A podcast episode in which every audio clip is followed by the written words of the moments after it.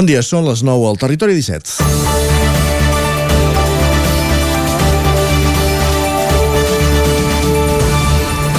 L'Ajuntament de Tona ha redactat amb el suport de la Diputació de Barcelona un extens document on es desgrana la creació d'un centre de referència d'educació i sensibilització ambiental, el CRESO.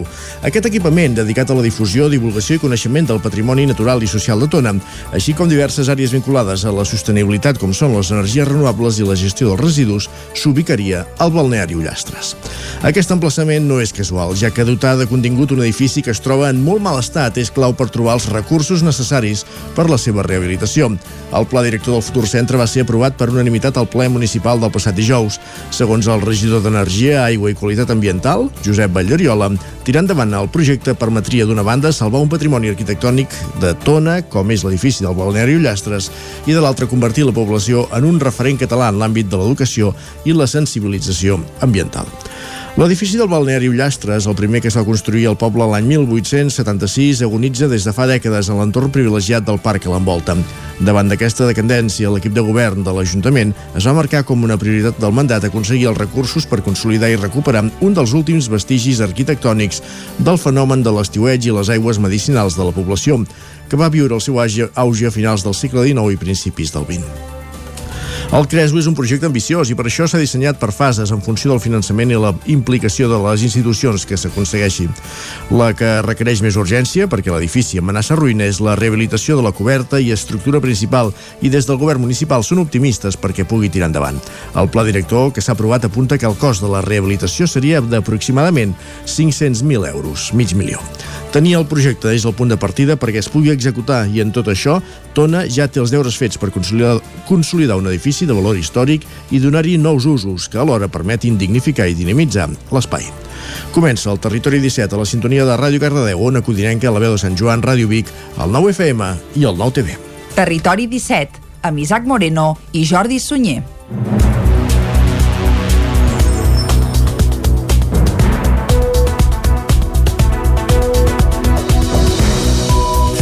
Passen dos minuts i mig de les 9 del matí d'avui dimecres, dia 6 d'abril de 2022 i comença ara mateix un nou Territori 17 que avui, com sempre, durant la primera hora us acostarà tota l'actualitat de les nostres comarques. A les 10 actualitzarem butlletí informatiu, passarem per la previsió meteorològica i tot seguit toca entrevista. Avui, Isaac, cap on anirem? Avui des de Ràdio Televisió Cardedeu amb l'Òscar Muñoz. Doncs l'entrevista des de Cardedeu. A dos quarts d'onze en punt arribarà el moment de les piulades. Per tant, qui ens visitarà serà en Guillem Sánchez. Tot seguit passarem per la taula de redacció i avui, que és dimecres, tocarà parlar de literatura. El Lletra Ferits, avui amb la Peral Caral Campàs des d'una codinenca parlarem amb Marc Congost, autor de la màgia de la màgia de les motxilles. La màgia de les motxilles. D'això descobrirem aquest, aquest, uh, vaja, aquest volum, aquest llibre en parlarem a la secció de lletra ferits d'avui. A les 11 en punt tornarem a actualitzar butlletí informatiu i tot seguit tornarem cap a Ona Codinenca per escoltar en Jordi Givert, oi? Uh, correcte, sí, amb Jordi Givert des d'una codinenca parlarem sobre les construccions de pedra seca del Moianès i el Bages. I a la darrera mitja hora com cada dia tindrem temps de pujar a la R3 a la Trenc d'Alba i avui que és dimecres acabarem fent un repàs a l'agenda cultural per aquest proper cap de setmana. Correcte, repàs, recorrent els diferents, les diferents emissores del territori 17 uh, per conèixer les agendes pels propers dies doncs vinga, ara que ja estem situats, el que hem de fer és arrencar i ho farem com sempre fent un repàs a l'actualitat de casa nostra, l'actualitat de les comarques del Ripollès, Osona, el Moianès i el Vallès Oriental.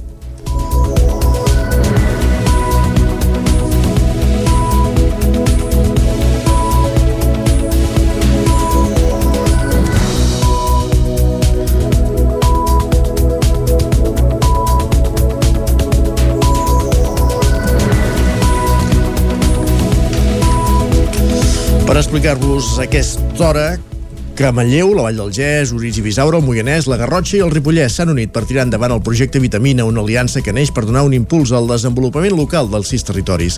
A partir d'ara, un grup motor format per 12 agents locals es reuniran periòdicament per reflexionar sobre les línies de treball que cal posar en marxa. Només a Manlleu, la Vall del Gès, Orís i Bisaura, el Moianès, la Garrotxa i el Ripollès hi ha 60.000 persones en edat laboral i amb l'objectiu de donar resposta als reptes d'un mercat canviant, ahir al matí es va presentar el projecte Vitamina, una iniciativa iniciativa que pretén establir ponts entre els sis territoris amb l'objectiu d'afavorir l'accés a l'ocupació, potenciar la formació professional i impulsar també el desenvolupament local. A partir d'ara, un grup motor format per 12 agents locals vinculats a la promoció econòmica, la funció pública i l'ocupació es reuniran periòdicament per reflexionar sobre les línies de treball que cal posar en marxa. Escoltem a Àlex Garrido, alcalde de Manlleu.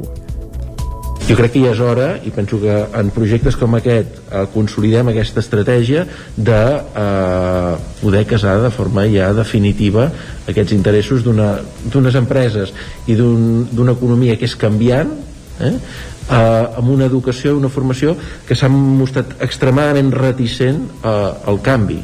Eh? Per tant, eh, pensem que és una, una bona línia de, de treball. Aquesta nova aliança, que ha de treure el sector públic però també el privat, també pretén fomentar l'arrelament al territori. Ho detalla Ramon Roquer, conseller comarcal de promoció econòmica del Ripollès. I per tant, en el fons, en definitiva, és, és aconseguir un, un territori amb més oportunitats per tothom, també doncs, per les empreses que s'han decidit doncs, establir-s'hi, quedar-s'hi, treballar, generar riquesa i fer d'aquests territoris doncs, un, un bon lloc per viure. Les conclusions s'exposaran els dies 3 i 4 de juny en una trobada que reunirà a totes les persones involucrades en el projecte. D'allà n'ha de sortir un decàleg de bones pràctiques i un full de ruta que recollirà totes les propostes per continuar avançant en el desenvolupament local. Més qüestions. El ple de l'Ajuntament de Vic crea un nou organisme autònom anomenat Xarxa de Serveis Urbans per gestionar l'àrea de manteniment i serveis un cop s'hagin liquidat les diferents empreses mixtes que han operat fins ara. Els estatuts de l'organisme es van aprovar al ple d'aquest dilluns amb el suport de l'equip de govern, l'abstenció del PSC i el vot en contra d'Esquerra i Capgirem. El ple de l'Ajuntament de Vic aprovava aquest dilluns els estatuts de l'organisme autònom Xarxa de Serveis Urbans, l'ENS que ha de substituir les actuals quatre empreses municipals mixtes, que són Minsvic, Rars Empreses Vic, Vialnet i Vic Verd, que estan en pròrroga i liquidació. Aquest és el projecte de l'equip de govern per reestructurar l'àrea de manteniment i serveis. L'organisme autònom aglutina 185 treballadors i ha d'arribar a gestionar un pressupost de pràcticament 16 milions d'euros. La xarxa de serveis urbans treballarà amb mitjans propis del consistori i externalitzarà determinats serveis com l'enllumenat o la maquinària d'obra civil en empreses especialitzades. Ho explica el regidor de Manteniment i Serveis, Albert Castells un organisme que ha d'actuar com a mitjà propi especialitzat en la gestió i coordinació de tots els serveis i actuals i també els que de futur immediat com a tot el que fa referència a l'Smart City, la digitalització de la nostra societat, la digitalització dels nostres serveis i la coordinació entre ells. Esquerra i Capgirem hi van votar en contra. El discurs més contundent el va fer la portaveu dels republicans, Maria Balasc, destacant que l'organisme autònom el sembla una bona fórmula, però acusant el govern d'opacitat a l'hora de tirar endavant aquest projecte. La regidora del PSC, Carme Tena, es va abstenir. Escoltem per aquest ordre Maria Balasc, d'Esquerra, Susana Vives, de Capgirem Vic i Carme Tena, del PSC. Nosaltres ens oposem a la forma a l'opacitat, al que no expliquen i a la rapidesa, a les presses amb una cosa tan important com és aquest organisme que, torno a dir, gestionarà en un futur el 25% del pressupost d'aquest Ajuntament. Pensem que al final un organisme autònom, per més que sigui un mecanisme legal de gestió directa, desvirtua la gestió directa tal i com hauria de ser, és a dir, en aquest cas, des de la mateixa àrea de manteniment.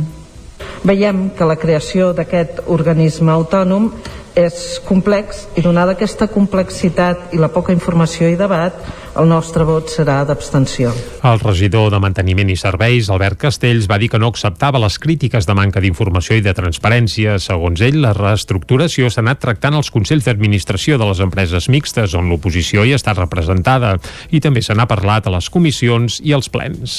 Encara vi que el ple va aprovar el projecte definitiu de reasfaltat de carrers dels polígons industrials de la ciutat. Ho va fer amb els vots a favor de l'equip de govern i del PSC i els vots contra contraris també d'Esquerra i Capgirem Vic, que consideren que la decisió decisió és electoralista. Tant Capgirem com Esquerra van retreure a l'equip de govern que les actuacions comencin quan falta poc més d'un any per a les eleccions municipals i les van titllar d'electoralistes. Escoltem per aquest ordre a Roger Comeres, de Capgirem Vic, i a Marta i a Maria Balasc, d'Esquerra. Només respon això, com dèiem, una estratègia electoral que és exactament el mateix que va passar ara fa quatre anys. I sé que riu, senyora alcaldessa, perquè sap que és així benvinguda campanya electoral, benvinguda loto de l'asfalt, aviam si ens toca o, o no tenim la sort, nosaltres no considerem ni que sigui urgent ni que sigui la cosa més necessària quan hi ha eh, temes socials, altres coses molt més importants que passar aquest punt per urgència, per tant també ens ho agafem rient perquè o riem o, o, o plorem i hem decidit riure. L'alcaldessa Anna R va respondre que el govern treballa durant tot el mandat. I més qüestions. Anem ara fins al Vallès Oriental, bàsicament per explicar que cau un arbre a tocar de la rotonda d'entrada de Sant Feliu de Codines i obliga a tallar el trànsit de la C-59 en els dos sentits de la marxa durant dues hores. Una codinenca, que era el campàs. Sí, a dos quarts de cinc de la matinada un arbre ha caigut a la C-59 just a la rotonda d'entrada al poble. La policia local ha visitat bombers i Mossos i policia d'altres localitats per tal de desviar o avisar del tall abans d'arribar a Sant Feliu de Codines, a l'alçada de Caldes. Els cotxes també que sortien de Sant Feliu de Codines pròpiament en direcció a Barcelona s'han desviat per la carretera de Vigues i Riells. El trànsit ha estat tallat en els dos sentits durant algunes hores perquè l'arbre travessava tota la calçada. A més, hi ha hagut danys en un pal de llum elèctric elèctric que gestiona Endesa i en la façana d'una casa. Aquest matí, a primera hora, el trànsit ja estava restablert, però amb algunes retencions per la retirada de l'arbre que han tallat a trossos. A priori, l'arbre no hauria caigut per acció humana, sinó per causes naturals. La Universitat de Vic investirà l'activista Òscar Camps com a doctor honoris causa. La cerimònia es farà el dia 29 de juny a l'Aula Magna de la Universitat. El patronat de la Fundació Universitària Balmes va acordar el 8 d'octubre de 2020, a proposta de l'Escola de Doctorat, concedir el títol de doctor honoris causa a Òscar Camps per haver impulsat el 2015 l'ONG Proactiva Open Arms. Com que de l'acord la denomenament es va prendre en temps de pandèmia, la cerimònia d'investidura es va haver de posposar. Finalment, l'acte es celebrarà el 29 de juny a l'Aula Magna de la Universitat de Vic, en el marc també dels actes de commemoració del 25è aniversari del reconeixement de la universitat. Aquesta és la màxima distinció que concedeix la universitat a una persona en reconeixement a la seva trajectòria acadèmica, científica, literària, cultural, social, política i econòmica, i també dels valors que comporta. En aquest cas, la universitat vol reconèixer la tasca humanitària que Òscar Camps i Proactiva Open Arms porten a terme i que ha estat fonamental per salvar la vida a centenars de persones. Camps és fundador i propietari de Proactiva, una empresa de serveis marítims, costaners, esportius i turístics que amb seu a Badalona. El 2015 va fundar l'organització no governamental Proactiva Open Arms, que ha estat distingida, entre d'altres, amb els Premis Ciutadà Europeu del Parlament Europeu, Pere Casaldàliga del Festival Internacional de Cinema Solidari, la medalla Olof Palme, la Creu de Sant Jordi o la medalla d'or del Parlament de Catalunya el 2019, compartida amb l'activista alemanya Carola Raquete. Amb aquesta distinció a Camps, la Universitat de Vic haurà concedit el doctorat honoris causa a un total d'11 persones. La darrera distinció, otorgada el passat 2021, va ser per al publicista Lluís Bassat.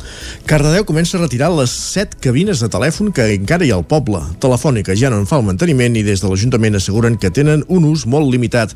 Núria Lázaro, des de Radio Televisió Cardedeu. L'Ajuntament de Cardedeu ha iniciat aquesta setmana els treballs de retirada de les set cabines telefòniques que hi ha al poble. Per ara s'ha retirat la que hi havia a la plaça Joan Alzina perquè està en un espai on se celebren moltes activitats culturals, populars i festives. La resta de cabines s'aniran retirant de manera progressiva. Els treballs els farà la brigada municipal. L'Ajuntament ha decidit treure-les després que Telefònica comuniqués que des de l'1 de gener ja no en fa el manteniment i que poden ser objecte d'actes vandàlics, també perquè l'ús que se'n fa és molt puntual. Telefònica havia comunicat a l'Ajuntament que desmantellaria les camines dins d'una licitació conjunta per fer aquesta tasca. El consistori ha decidit avançar-se. D'altra banda, la brigada municipal ha millorat les voreres del carrer Joaquim Blume entre el carrer Llinàs i l'avinguda del Ri en Jaume. L'objectiu és millorar l'accessibilitat i la seguretat dels vianants. També s'han repintat les marques viàries dels carrils bicis del carrer Llinàs i Mare de Déu del Pilar. I del Vallès al Ripollès perquè el Sant Joaní Ferran Capdevila Vila publica el seu primer disc, titulat Cremar les naus. La veu de Sant Joan, Isaac Muntades. El Sant Joan i Ferran Cap de Vila ha publicat el seu primer disc titulat Cremar les naus, que conté sis cançons i vol fer un viatge d'introspecció i maduresa per il·luminar les direccions que encara no ha trobat segons les seves paraules. Cap de Vila, que és enginyer de professió, té la música com a hobby, però ha gravat el disc en un estudi amb músics professionals com són el productor Miquel Cuixart, encarregat de posar-hi les sonoritats, i Donai Izaguirre, que ja ha tocat instruments com la guitarra, el baix i algun element de percussió. Per ara, el músic Sant Joaní està distribuint ell mateix el disc en format físic a totes les persones que l'han ajudat i cap a finals d'abril l'oferirà a les principals plataformes en línia. Aquest disc es va gestar fa un any i mig quan va gravar les cançons, durant dues setmanes del mes de juliol a casa del productor. Després se'n va fer l'edició corresponent i el màster amb un parell de mesos ho tenia tot enllestit. El títol del disc, Cremar les naus, també té un significat per cap de vila. I aquesta dita que no, no coneixia molt fins fa gaire, quemar les naves, s'expressava quan hi havia alguns conqueridors que anaven a alguns països algunes altres terres a conquerir i, i deien l'expressió de, de que hemos venido aquí a quemar les naves, que venia a dir que veníem aquí a lluitar i a guanyar o a morir, que no tornàvem a casa. I a mi, tot i que aquesta dita doncs, no em representa i realment doncs, em fa una mica de fàstic per dir-ho així, jo l'he extrapolat el meu cas personal en el qual tinc algunes inquietuds, algunes coses de la meva vida, problemes, podem anar a dir que, que per tal de que el nou Ferran doncs, pugui seguir endavant, doncs, que ha de cremar coses d'aquest present per poder fluir i ser la persona que vull ser. El disc ha de servir per conèixer més a fons a Cap de Vila, que es defineix com una persona introvertida i a qui li costa explicar allò que viu. En principi, ell tenia previst que Cremar les naus tingués una dotzena de cançons, però el pressupost de què disposaven no li va permetre posar-n'hi més. Calma és una de les cançons del disc i és una peça tranquil·la que ell s'imagina cantant al mig del bosc. He accelerat ben de pressa però no he aixecat mai el vol com altres éssers però puc fluir en el seu món doncs amb la música de Ferran Catavila acabem aquest primer bloc informatiu del Territori 17 que començàvem a les 9 en companyia d'Isaac Muntada, Jordi Sunyer, Caral Campàs i Núria Lázaro. Tot seguit, és moment de conèixer la previsió meteorològica, amb la qual cosa vol dir que ja ens espera en Pep Acosta. Casa Terradellos us ofereix el temps. Doncs vinga, si és el moment de parlar del temps, com bé has dit, Isaac, és el moment de parlar amb en Pep Acosta, que ja el tenim a punt i em sembla que avui, no sé, està tapadot, eh? No sé si caurà alguna cosa o no, ens ho avança ell. Va, Pep, bon dia. Pep, molt bon dia la, la, la tapadora també ens talla la comunicació amb Pep, aviam si la podem recuperar en breus segons i que ens... Que ens, que ens, que ens, que ens, que ens... Clar, és que ja ho té, eh? Aquesta, quan hi ha núvols, eh, avui sí. ens hem llevat això una mica tapadots, tampoc és que, que hi hagi un dia ultra, ultra tapat, de moment no s'escapa cap gota, però clar, si volem saber si això acabarà regant o no, després, a més a més d'aquest cap de setmana amb sorpresa i fredurada, doncs el que hem de fer és saludar en Pep. Ara sí, va, Pep, bon dia.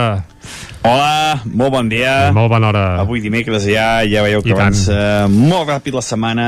Ja tens raó, ja. Uh, també el mes, mm -hmm. i també l'any, eh? Tot, Tot va, va com un tro, molt, molt de pressa. Molt de pressa, eh. massa de pressa. Mm -hmm. I també de pressa ha marxat aquesta onada d'aire fred, avui les temperatures molt més normals, només glaçades a molt alta muntanya, 3-4 sota 0 a la zona d'Ull de Ter, allà és una zona on glaça uns 9 o 10 mesos a l'any, per tant és normal que el mes d'abril encara glaci. Temperatures encara per sota dels 5 graus, Osona, Moianès, Ripollès, i hi ha mínimes per, sota, per sobre perdó, dels 5 graus cap al prelitoral, temperatures que es van normalitzant.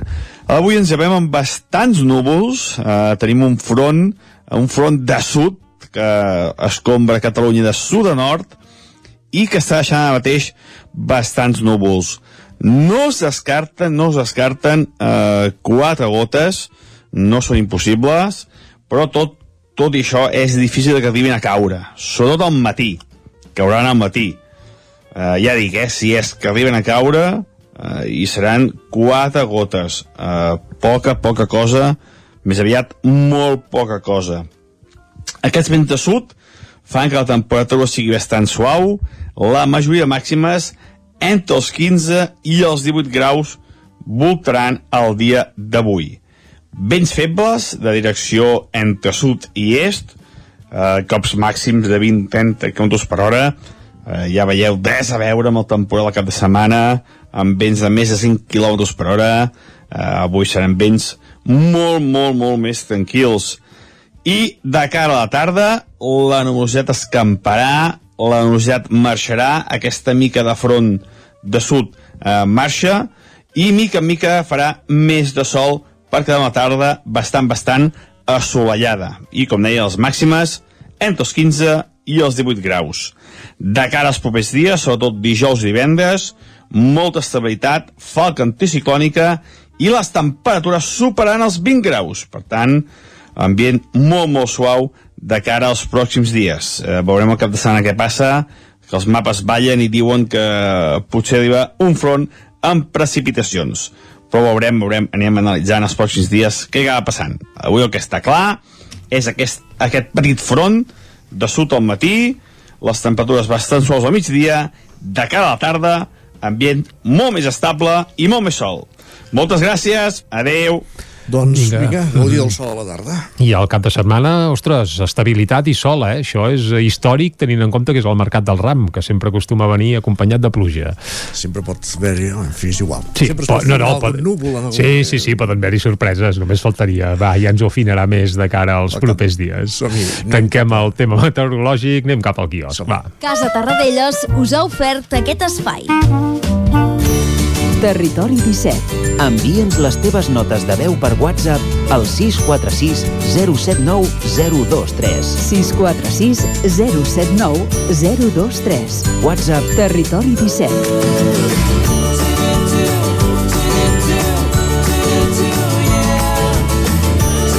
Territori 17. Som a Facebook, Twitter i Instagram amb l'usuari Territori 17.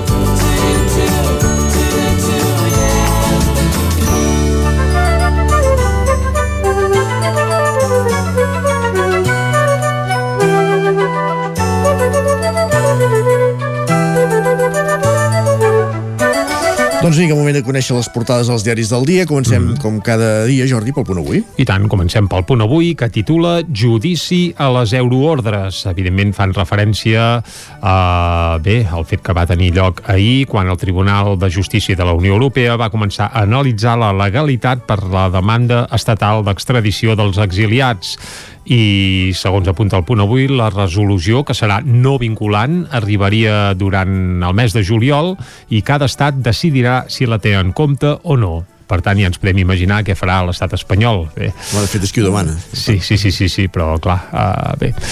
Tant, bé, més coses. A la fotografia apareix el president ucraïnès Zelensky i diu en Ucraïna lamenta que el dret de vet de Rússia eviti la condemna de les Nacions Unides als crims. Recordem que ahir el president ucraïnès va intervenir a la sessió eh, ordinària de, de l'Organització de Nacions Unides i també va intervenir al Congreso espanyol. Correcte. Ho va fer amb 5 minuts de retard, va demanar perdó i tot, perquè clar, és que abans s'havia connectat eh, en directe amb l'ONU, eh, després es va connectar amb el Congreso. Ahir va ser el seu gran dia, eh? l'ONU i el Congreso. Tots, la resta de, de parlaments europeus on s'ha connectat fins ara. No? Bé, i en el cas del Congrés espanyol el que va recordar als diputats és el bombardeig de Guernica i va dir som el 2022 però sembla el 1937 el que no va dir és que el bombardeig de Guernica el van fomentar doncs això eh, eh, els nazis ras i curt i empesos eh, sobretot doncs per uns franquistes que bé que alguns no sé si estaven escoltant des de les banquetes del Congrés i tot, ja veus que... Però vaja, va, no ens embalem més, seguim. Oh, 80 anys després, eh, ells, ells no, però bé, vaja, algú altre. Sí, anem cap a l'ara, va. A l'ara, a la portada dedicada a la invasió d'Ucraïna i un testimoni esfereïdor, eh? Uh, obrim cometes, el van abatre tot i que portava el braçalet blanc. La població de Butxa plora i continua enterrant els seus civils morts enmig de la creixent indignació mundial contra l'exèrcit de Putin. Això és el titular principal que apareix a l'ara. També Zelensky recorda Guernica i insta les empreses espanyoles a fer boicot a Rússia. Uh, també el Banc d'Espanya preveu que la inflació eh, per aquest any s'acostarà al 7%. Mare és a dir, no, no ara aquests mesos, sinó que acabarem l'any amb una inflació que es pot acostar uh, això, al 7%. Uh, terrible. Més coses, va. Parlàvem ahir a la secció d'Economia. Més qüestions, mm va. -hmm. Anem cap a l'avantguàrdia. Zelensky recorda a Espanya l'horror de Guernica per reclamar més sancions. El president d'Ucraïna es dirigeix a les Corts per agrair el suport, però demana més contundència i assenyala empreses que encara operen a Rússia. És curiós perquè l'avantguàrdia només parla de l'aparició de Zelensky Zelensky a Espanya i no pas a l'ONU. Suposo que les portades espanyoles aniran també en aquesta línia. I eh, també apareix el Banc d'Espanya, que diu el Banc d'Espanya preveu una inflació d'un 10% almenys fins al juliol. Clar, abans sentíem la previsió del Banc d'Espanya per tot l'any, del 7, però és que fins al juliol seria del 10%. Això és el que s'apunta a la portada de La Vanguardia, que aviat és dit, un 10% és moltíssim. Uh -huh. Anem cap al periòdico, que canvien una mica de Bé, de, de concepte a l'hora de fer la portada. Els adulcorants relleven el sucre. Canvi d'hàbits que provoca incerteses. Endolcidors no recomanats per nutricionistes guanyen cada cop més terreny en l'alimentació. Aquest és el principal titular del periòdico. Hem, hem demonitzat tant el sucre que ara busquem coses tan o més nocives. Bé, exacte. La fotografia per això sí que és per Zelensky eh, i pel Congrés espanyol, no per l'ONU, i diuen Zelensky recorda Guernica i a sota també hi apareix apareix aquesta previsió del Banc d'Espanya que eleva al 7,5% la previsió d'inflació mitjana de l'any. Uh, bé, aquí parlen de la de l'any, uh, la Vanguardia parlaven de la de fins al mes de juliol. Fem un cop d'ull a les portades que s'editen des de Madrid i comencem per el País, que torna a protagonitzar la portada d'on Zelensky, que porta al Congrés la memòria de Guernica. Això apareix a la portada del País. També el Banc d'Espanya preveu una inflació del 7,5% al 2022 i Brussel·les llença les primeres sancions contra l'energia russa. Això apareix apareix a la portada de La Vanguardia. També el City agafa avantatge davant l'Atlètic, 1 a 0. És a dir, Guardiola ahir es va imposar 1 a 0 a l'Atlètic de Madrid. Uh, El Mundo, obrim cometes, estem com a Guernica el 1937. Aquest és el titular, citant una de les frases de Zelensky. La fotografia és uh, per la seva intervenció ahir al Congrés espanyol i també el Banc d'Espanya alerta d'un IPC sense aturador. Això a la portada del Mundo. A l'ABC, el govern ignora l'alerta de recessió del Banc d'Espanya. Evidentment fan referència al govern espanyol i també fent referència a aquesta previsió de l'IPC i la fotografia per això, tot i que el titular principal és per aquesta previsió del Banc d'Espanya, és per Zelensky, que demana a Espanya que no tingui por a Putin i enviï més armament cap a Ucraïna, evidentment. Això és el que apunta la portada. I a la Razón, Zelensky compara la devastació amb el bombardeig a Guernica. Aquest és el titular principal en fotografia també del Congreso espanyol, escoltant la intervenció de Zelensky. Doncs arribats a aquest punt, fem una pausa. Tornem. El nou FM, la ràdio de casa, al 92.8. La vida i la naturalesa han portat Ernest Gingó a crear el seu primer disc i tu el pots ajudar a fer-lo realitat. Busca Seguint la Natura a la pàgina web Verkami i podràs fer la teva aportació econòmica a canvi del disc i d'alguns instruments artesanals que ha construït amb el seu pare, fuster de professió. Ajuda l'Ernest Gingo a fer realitat aquest primer disc que fa un viatge musical per la connexió amb la naturalesa. I un sentiment. Rètols 2A. Experts en comunicació visual. Rètols, banderoles, vinils, impressió, plaques gravades, senyalització, display... Rètols Dos Art. Ja són 25 anys al vostre servei. Ens trobareu a la carretera de Vic a Olot, número 7, al polígon Malloles de Vic. dosartvic.com Telèfon 93 889 2588. A El racó de León ja és primavera. Gaudeix de la nostra terrassa. Vine a tastar les xuletilles de lechal a la brasa amb una bona amanida o el xuletón de vedella gallega. No et pots perdre el nostre lechado de Castilla al forn o el cochinillo a l'estil de Segovia. Tot acompanyat del millor celler, al menjador o fora la terrassa. Descobreix la millor cuina de lleó sense moure't de casa. Vine amb la família, els amics, la parella o sol. T'encantarà. El racó de León, cuina tradicional lleonesa i de mercat. Som al carrer Torelló número 35 de Vic. Per reserves, telèfon 93 889 1950. El racó de León, una cuina diferent. Cobertes serveis funeraris. Els nostres tanatoris estan ubicats en els nuclis urbans més poblats de la comarca d'Osona per oferir un millor servei. Tanatori de Vic, Tanatori de Manlleu, Tanatori de Centelles i Tanatori de Roda de Ter. Sabem que són moments difícils i per això el nostre compromís és atendre-us en tot moment amb un tracte humà, sensible i respectuós. Cobertes serveis funeraris. Telèfon 24 hores 93 883 23 46. Cocodril Club. Si t'agrada la bona música dels anys 60, 70 i 80, escolta el 9 FM els matins de dissabtes i diumenges d'11 a 1. És el temps del Cocodril Club, tot un clàssic de la ràdio, amb les bases del pop-rock, les llegendes, les cançons que s'han convertit en autèntics himnes. Recorda, dissabtes i diumenges al matí, d'11 a 1, al 9 FM 92.8. Cocodril Club, el programa revival de l'Albert Malla. Hasta luego, cocodrilo. Anuncia't al 9FM. La ràdio de casa. 9 3 8 8 9 4 9 4 9. Publicitat arroba al 9FM.cat. Anuncia't al 9FM. La publicitat més eficaç. El 9FM. El 9FM. El 9FM. El 9FM. El 9FM. En punt, dos quarts de 10 al territori 17. Territori 17, amb Isaac Moreno i Jordi Sunyer.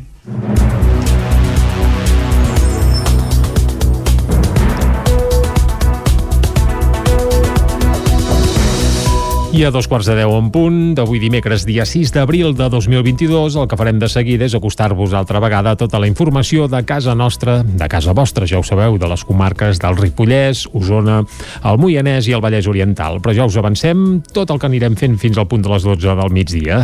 Abans de les 10 hi posarem, com cada dia, música. Avui per descobrir qui és Bòria. Et sona, Isaac? Bòria. Bo, doncs, boira sí, però sí, Bòria... Boira, Boira ens sona més. doncs Bòria resulta que és el Lluís Bòria, té aquest cognom, era el líder d'Estúpida Èrica, un grup eh, Sí. que va fer relativa fortuna fa aquí cert temps. sí, sí. El grup està enterrat i ara ressuscita en solitari i aquest diumenge el Bòria serà a la Jazz Cava de Vic, actuant en directe i a més a més ho farà bé, amb alguna sorpresa.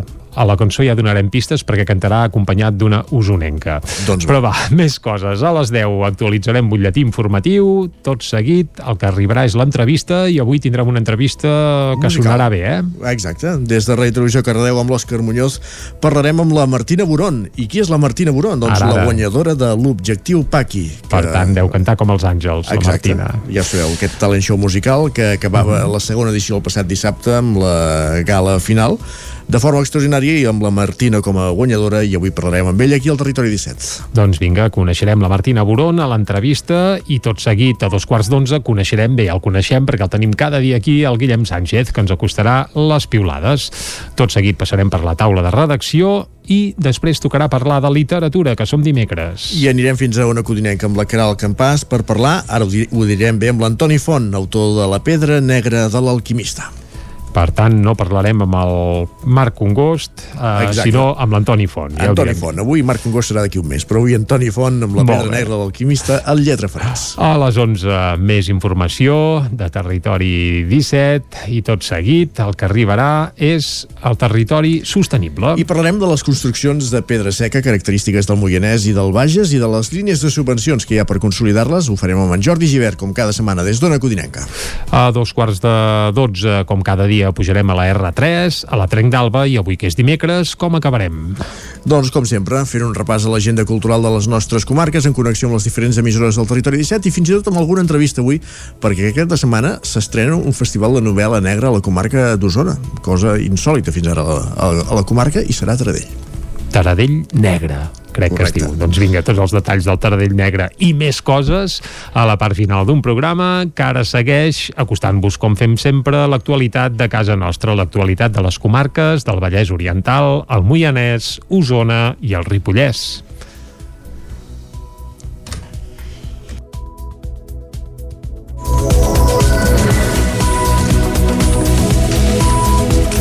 Per explicar-vos aquesta hora que Manlleu, la Vall del Gès, Orís i Bisaura, el Moianès, la Garrotxa i el Ripollès s'han unit per tirar endavant el projecte Vitamina, una aliança que neix per donar un impuls al desenvolupament local dels sis territoris.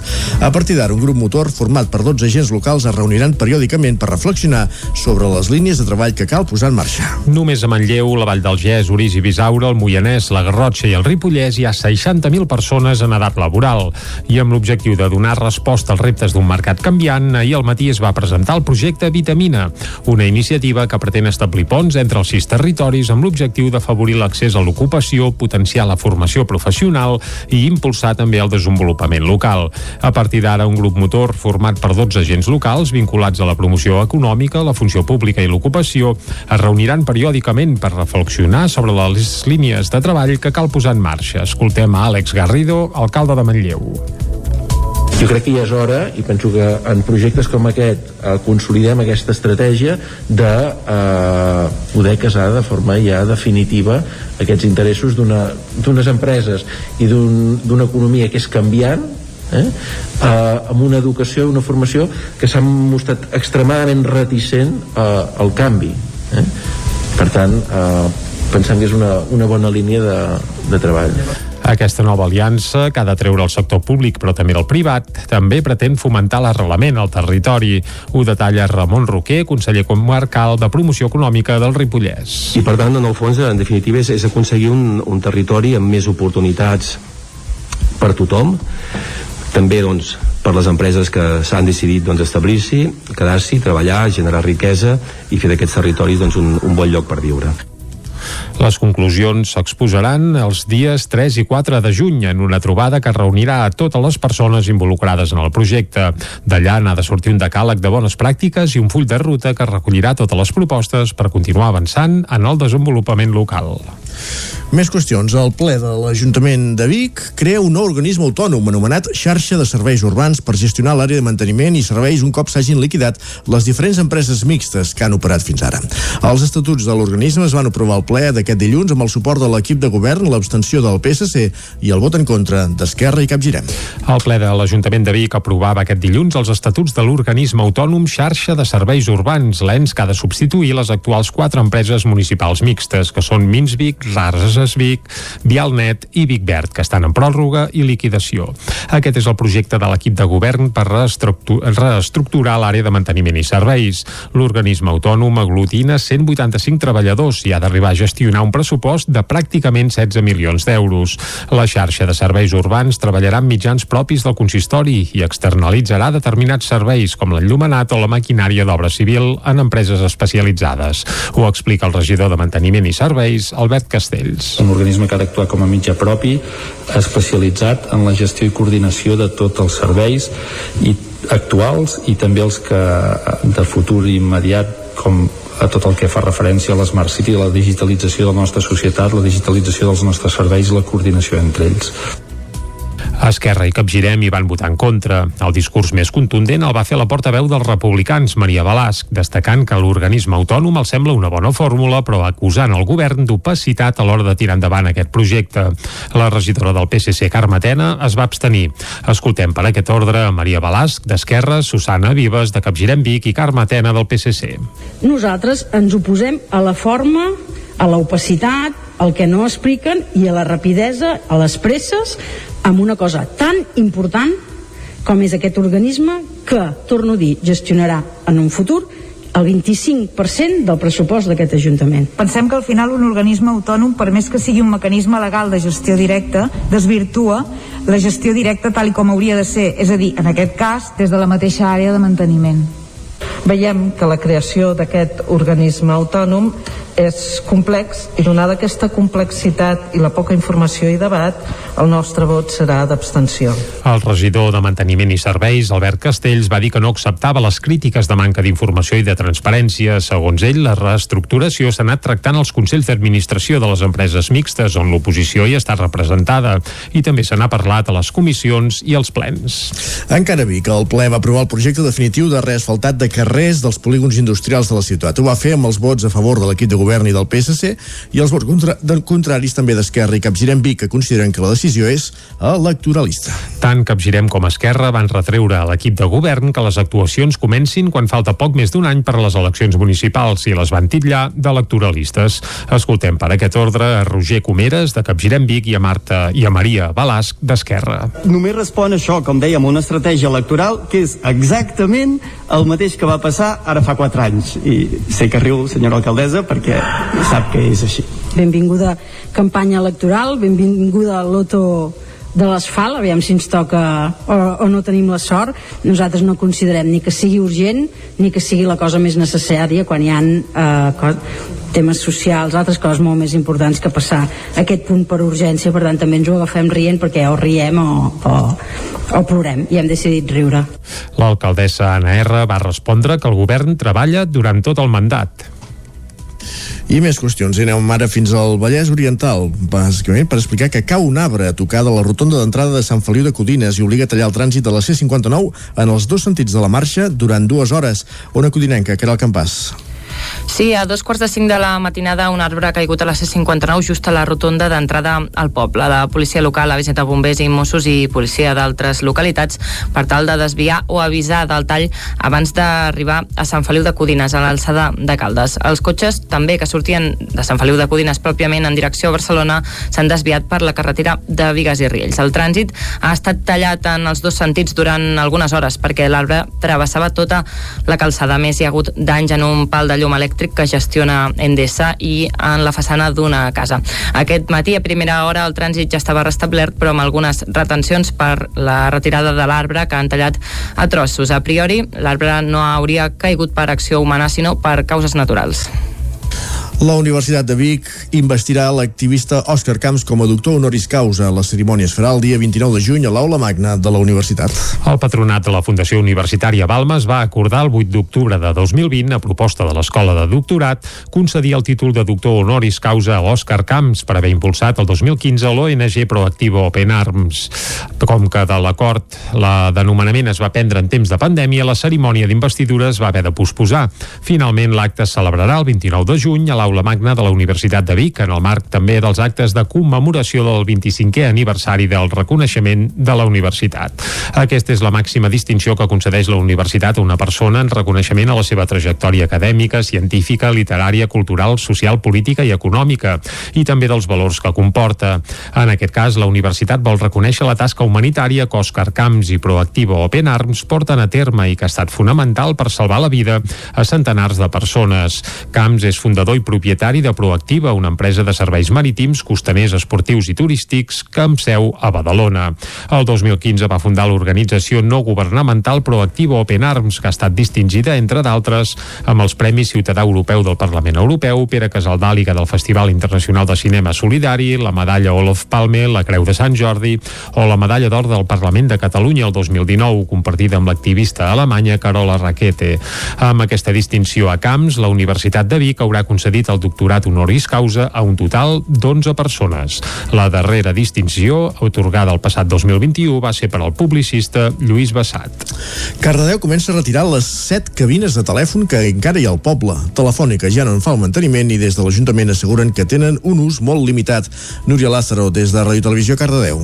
L'Ajuntament de Cardedeu ha iniciat aquesta setmana els treballs de retirada de les set cabines telefòniques que hi ha al poble. Per ara s'ha retirat la que hi havia a la plaça Joan Alzina perquè està en un espai on se celebren moltes activitats culturals, populars i festives.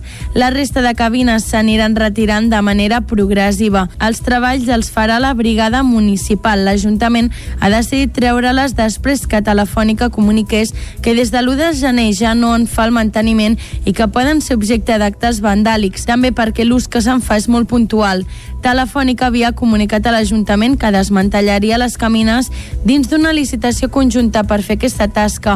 El consistori ha decidit avançar-se. D'altra banda, la brigada municipal ha millorat les voreres del carrer Joaquim Blume entre el carrer Llinàs i l'avinguda del Rei en Jaume. L'objectiu és millorar l'accessibilitat i la seguretat dels vianants.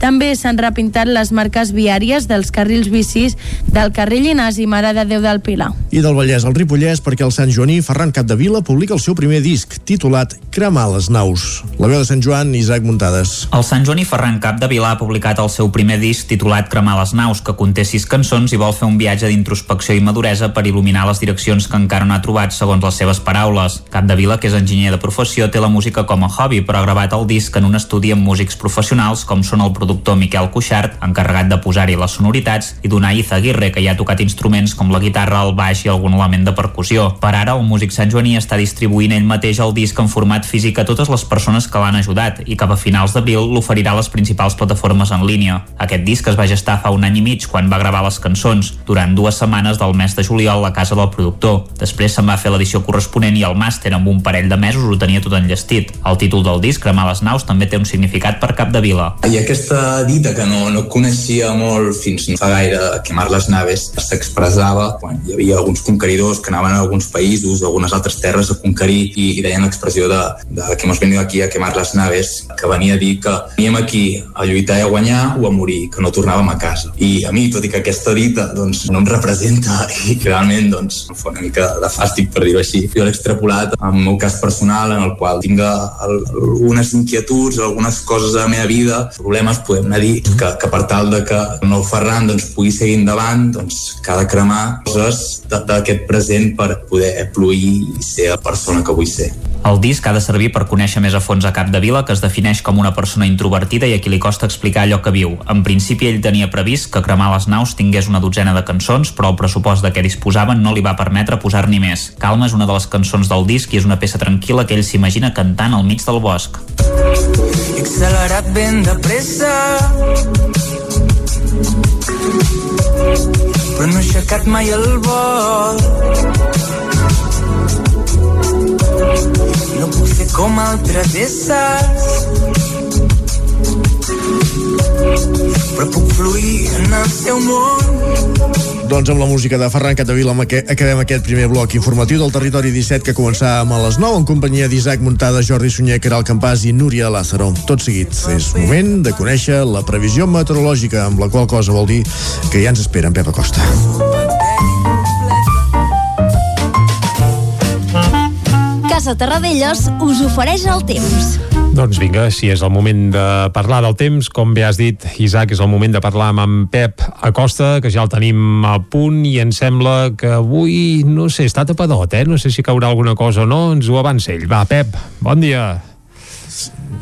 Pep, molt bon dia la, la, la tapadora també ens talla la comunicació amb Pep, aviam si la podem recuperar en breus segons i que ens... Que ens, que ens, que ens, que ens, que ens... Clar, és que ja ho té, eh? Aquesta, quan hi ha núvols, eh, avui sí. ens hem llevat això una mica tapadots, tampoc és que, que hi hagi un dia ultra, ultra tapat, de moment no s'escapa cap gota, però clar, si volem saber si això acabarà regant o no, després, a més a més d'aquest cap de setmana amb sorpresa i fredurada, doncs el que hem de fer és saludar en Pep. Ara sí, va, Pep, bon dia.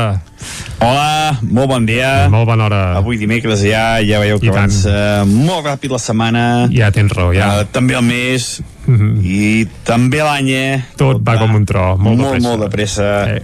massa de pressa. Mm -hmm. I també de pressa ha marxat aquesta onada d'aire fred, avui hi ha les temperatures molt més normals, només glaçades a molt alta muntanya, 3-4 sota 0 a la zona d'Ull de Ter, allà és una zona on glaça uns 9 o 10 mesos a l'any, per tant és normal que el mes d'abril encara glaci. Temperatures encara per sota dels 5 graus, Osona, Moianès, Ripollès, i hi ha mínimes per, sota, per sobre perdó, dels 5 graus cap al prelitoral, temperatures que es van normalitzant. Avui ens llevem amb bastants núvols, eh, tenim un front, un front de sud, que escombra Catalunya de sud a nord i que està deixant ara mateix bastants núvols. No es descarten, no es descarten eh, quatre gotes, no són impossibles, però tot, tot i això és difícil que arribin a caure, sobretot al matí, cauran al matí. Eh, ja dic, eh, si és que arriben a caure, eh, i seran quatre gotes, eh, poca, poca cosa, més aviat molt poca cosa. Aquests vents de sud fan que la temperatura sigui bastant suau, la majoria màximes entre els 15 i els 18 graus voltaran el dia d'avui. Vents febles de direcció entre sud i est, eh, cops màxims de 20-30 km per hora, eh, ja veieu res a veure amb el temporal al cap de setmana, amb vents de més de 5 km per hora, eh, avui seran vents molt, molt, molt més tranquils i de cara a la tarda la nuvolositat escamparà, la nuvolositat marxarà, aquesta mica de front de sud eh, marxa i mica en mica farà més de sol per quedar una tarda bastant, bastant assolellada. I, com deia, les màximes entre els 15 i els 18 graus. De cara als propers dies, sobretot dijous i divendres, molta estabilitat, falca anticiclònica i les temperatures superant els 20 graus. Per tant, ambient molt, molt suau de cara als pròxims dies. Eh, veurem el cap de setmana què passa, que els mapes ballen i diuen que potser arriba un front amb precipitacions. Però veurem, veurem, anirem analitzant els pròxims dies què acaba passant. Avui el que està clar és aquest, aquest petit front de sud al matí, les temperatures bastant suaus al migdia, de cara a la tarda, ambient molt més estable i molt més sol. Moltes gràcies, adeu. Doncs vinga, vinga gaudir del sol a la tarda. I al cap de setmana, ostres, estabilitat i sol, eh? Això és històric tenint en compte que és el mercat del ram, que sempre acostuma a venir acompanyat de pluja. Sempre pot haver-hi, en fi, és igual. Sí, sempre pot, no, no, pot, núvol en sí, sí, sí, poden haver-hi sorpreses, només faltaria. Va, ja ens ho afinarà més de cara als propers dies. Tanquem el tema meteorològic, anem cap al quiosc, va. Casa Tarradellas us ha ofert aquest espai. Territori 17. Envia'ns les teves notes de veu per WhatsApp al 646 079 023. 646 079 023. WhatsApp Territori 17.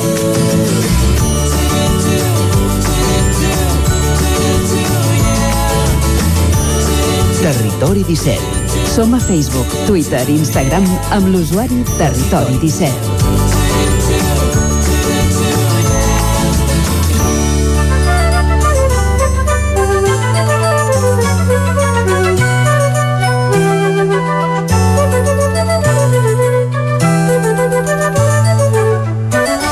Doncs vinga, moment de conèixer les portades dels diaris del dia. Comencem, mm. com cada dia, Jordi, pel punt avui. I tant, comencem pel punt avui, que titula Judici a les euroordres. Evidentment fan referència a, bé, al fet que va tenir lloc ahir, quan el Tribunal de Justícia de la Unió Europea va començar a analitzar la legalitat per la demanda estatal d'extradició dels exiliats.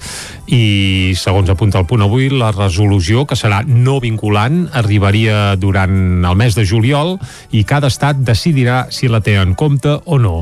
Per tant, ja ens podem imaginar què farà l'estat espanyol. Bé. Bueno, de fet, és qui ho demana. Sí, sí, sí, sí, sí però clar, uh, bé.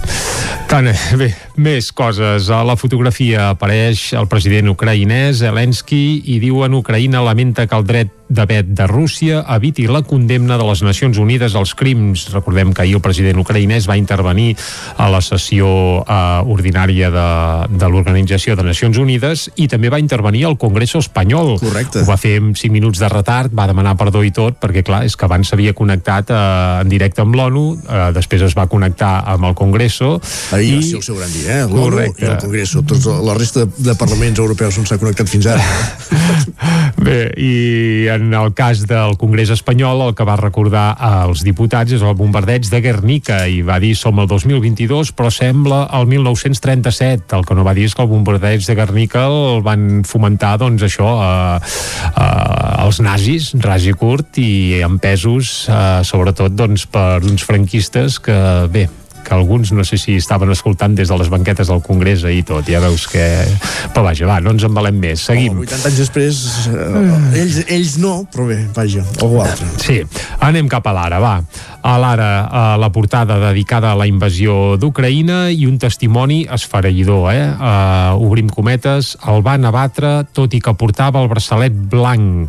La població de Butxa plora i continua enterrant els seus civils morts enmig de la creixent indignació mundial contra l'exèrcit de Putin. Això és el titular principal que apareix a l'ara. També Zelensky recorda Guernica i insta les empreses espanyoles a fer boicot a Rússia. Uh, també el Banc d'Espanya preveu que la inflació uh, per aquest any s'acostarà al 7%. Vale. És a dir, no, no ara aquests mesos, sinó que acabarem l'any amb una inflació que es pot acostar uh, això, al 7%. Uh, terrible. Més coses, va. Parlàvem ahir a la secció d'Economia. Més qüestions, va. Anem cap a l'avantguàrdia. Zelensky recorda a Espanya l'horror de Guernica per reclamar més sancions. El president d'Ucraïna es dirigeix a les Corts per agrair el suport, però demana més contundència i assenyala empreses que encara operen a Rússia. És curiós perquè l'avantguàrdia només parla de l'aparició de Zelensky Zelensky a Espanya i no pas a l'ONU. Suposo que les portades espanyoles aniran també en aquesta línia. I eh, també apareix el Banc d'Espanya, que diu el Banc d'Espanya preveu una inflació d'un 10% almenys fins al juliol. Clar, abans sentíem la previsió del Banc d'Espanya per tot l'any, del 7, però és que fins al juliol seria del 10%. Això és el que s'apunta a la portada de La Vanguardia, que aviat és dit, un 10% és moltíssim. Uh -huh. Anem cap al periòdico, que canvien una mica de Bé, de, de concepte a l'hora de fer la portada. Els adulcorants relleven el sucre, canvi d'hàbits que provoca incerteses. Endolcidors no recomanats per nutricionistes guanyen cada cop més terreny en l'alimentació. Aquest és el principal titular del periòdico. Hem, hem demonitzat tant el sucre que ara busquem coses tan o més nocives. Bé, exacte. La fotografia per això sí que és per Zelensky eh, i pel Congrés espanyol, no per l'ONU, i diuen Zelensky recorda Guernica i a sota també hi apareix aquesta previsió del Banc d'Espanya que eleva al 7,5% la previsió d'inflació mitjana de l'any. Uh, bé, aquí parlen de la de l'any, uh, la Vanguardia parlaven de la de fins al mes de juliol. Fem un cop d'ull a les portades que s'editen des de Madrid i comencem per El País, que torna a protagonitzar la portada d'on Zelensky, que porta al Congrés la memòria de Guernica. Això apareix a la portada del País. També el Banc d'Espanya preveu una inflació del 7,5% al 2022 i Brussel·les llença les primeres sancions contra l'energia russa. Això apareix a la portada de La Vanguardia. També el City agafa avantatge davant l'Atlètic, 1 a 0. És a dir, en Guardiola ahir es va imposar 1 a 0 a l'Atlètic de Madrid. A El Mundo, obrim cometes, estem com a Guernica el 1937. Aquest és el titular, citant una de les frases de Zelensky. La fotografia és uh, per la seva intervenció ahir al Congrés espanyol i també el Banc d'Espanya alerta d'un IPC sense aturador. Això a la portada del Mundo. A l'ABC, el govern ignora l'alerta de recessió del Banc d'Espanya. Evidentment fan referència al govern espanyol i també fent referència a aquesta previsió de l'IPC i la fotografia per això, tot i que el titular principal és per aquesta previsió del Banc d'Espanya, és per Zelensky, que demana a Espanya que no tingui por a Putin i enviï més armament cap a Ucraïna, evidentment. Això és el que apunta la portada. I a la Razón, Zelensky compara la devastació amb el bombardeig a Guernica. Aquest és el titular principal en fotografia també del Congreso espanyol, escoltant la intervenció de Zelensky. Doncs fins aquí les portades d'avui, les portades de la premsa diària i ara, com cada dia, fins a arribar al punt de les 10, el que farem és posar-hi música. Abans ja us hem avançat que qui escoltarem avui és a Bòria. Darrere aquest nom s'hi amaga Lluís Bòria, que és un músic que havia liderat una formació que es deia Estúpida Èrica. També havia format part d'altres formacions ja històriques, però ara ha debutat en solitari amb un nou disc, un disc que es titula Any Place But Now. El disc es va enregistrar enregistrar precisament a Osona, concretament als estudis del Jordi Casa de Sus, Bigatà, conegut per haver produït discos de la iaia, Núria Graham, etc. I ara també eh, l'estrena en solitari de Bòria. Cal dir que aquest diumenge, a partir de les 7 del vespre, Bòria serà a la Jascava de Vic, on segur que sonaran peces com aquesta, What Were We, on, atenció, canta al costat de la bigatana Joana Serrat, fent una autèntica joia d'orfebreria musical. Escoltem aquesta peça, on el Bòria canta al costat de la Joana i amb això arribarem fins al punt de les 10 aquí a Territori 17, recordant que aquest diumenge a partir de les 7 del vespre Bòria serà en directe a la Jascava de Vic presentant el seu primer disc en solitari. Uh, us deixem amb música. A les 10 tornem amb més informació aquí a Territori 17. Fins ara. bricks, gravity, relentlessly the race deep.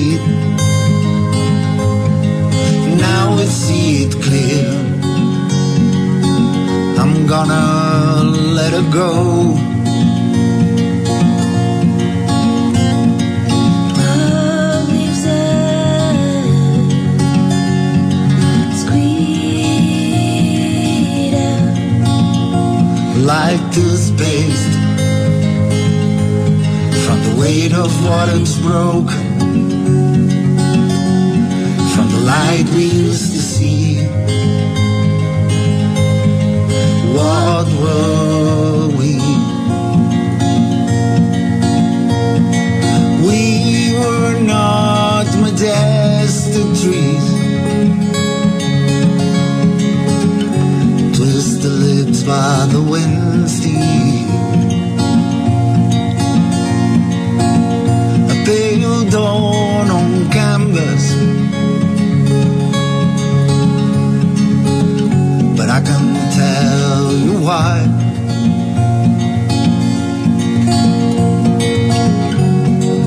Dressed up for the swim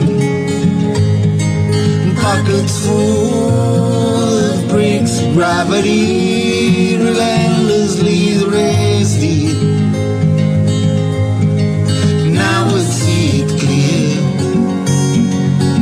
I'm gonna let it go.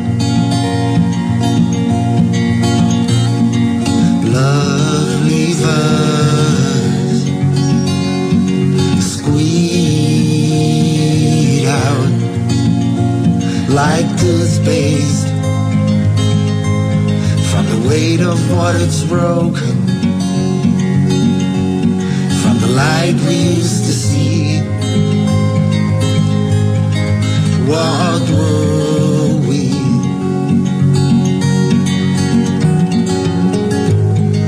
What were we? What were we what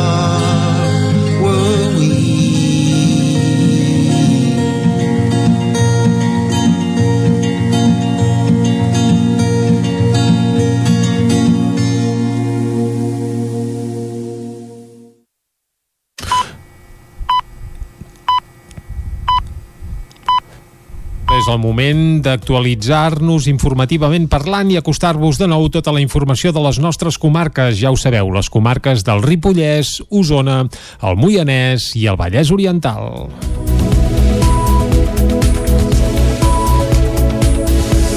I comencem explicant que ja s'ha obert a la circulació la variant per anar a Tavertet sense passar pel centre de l'Esquirol.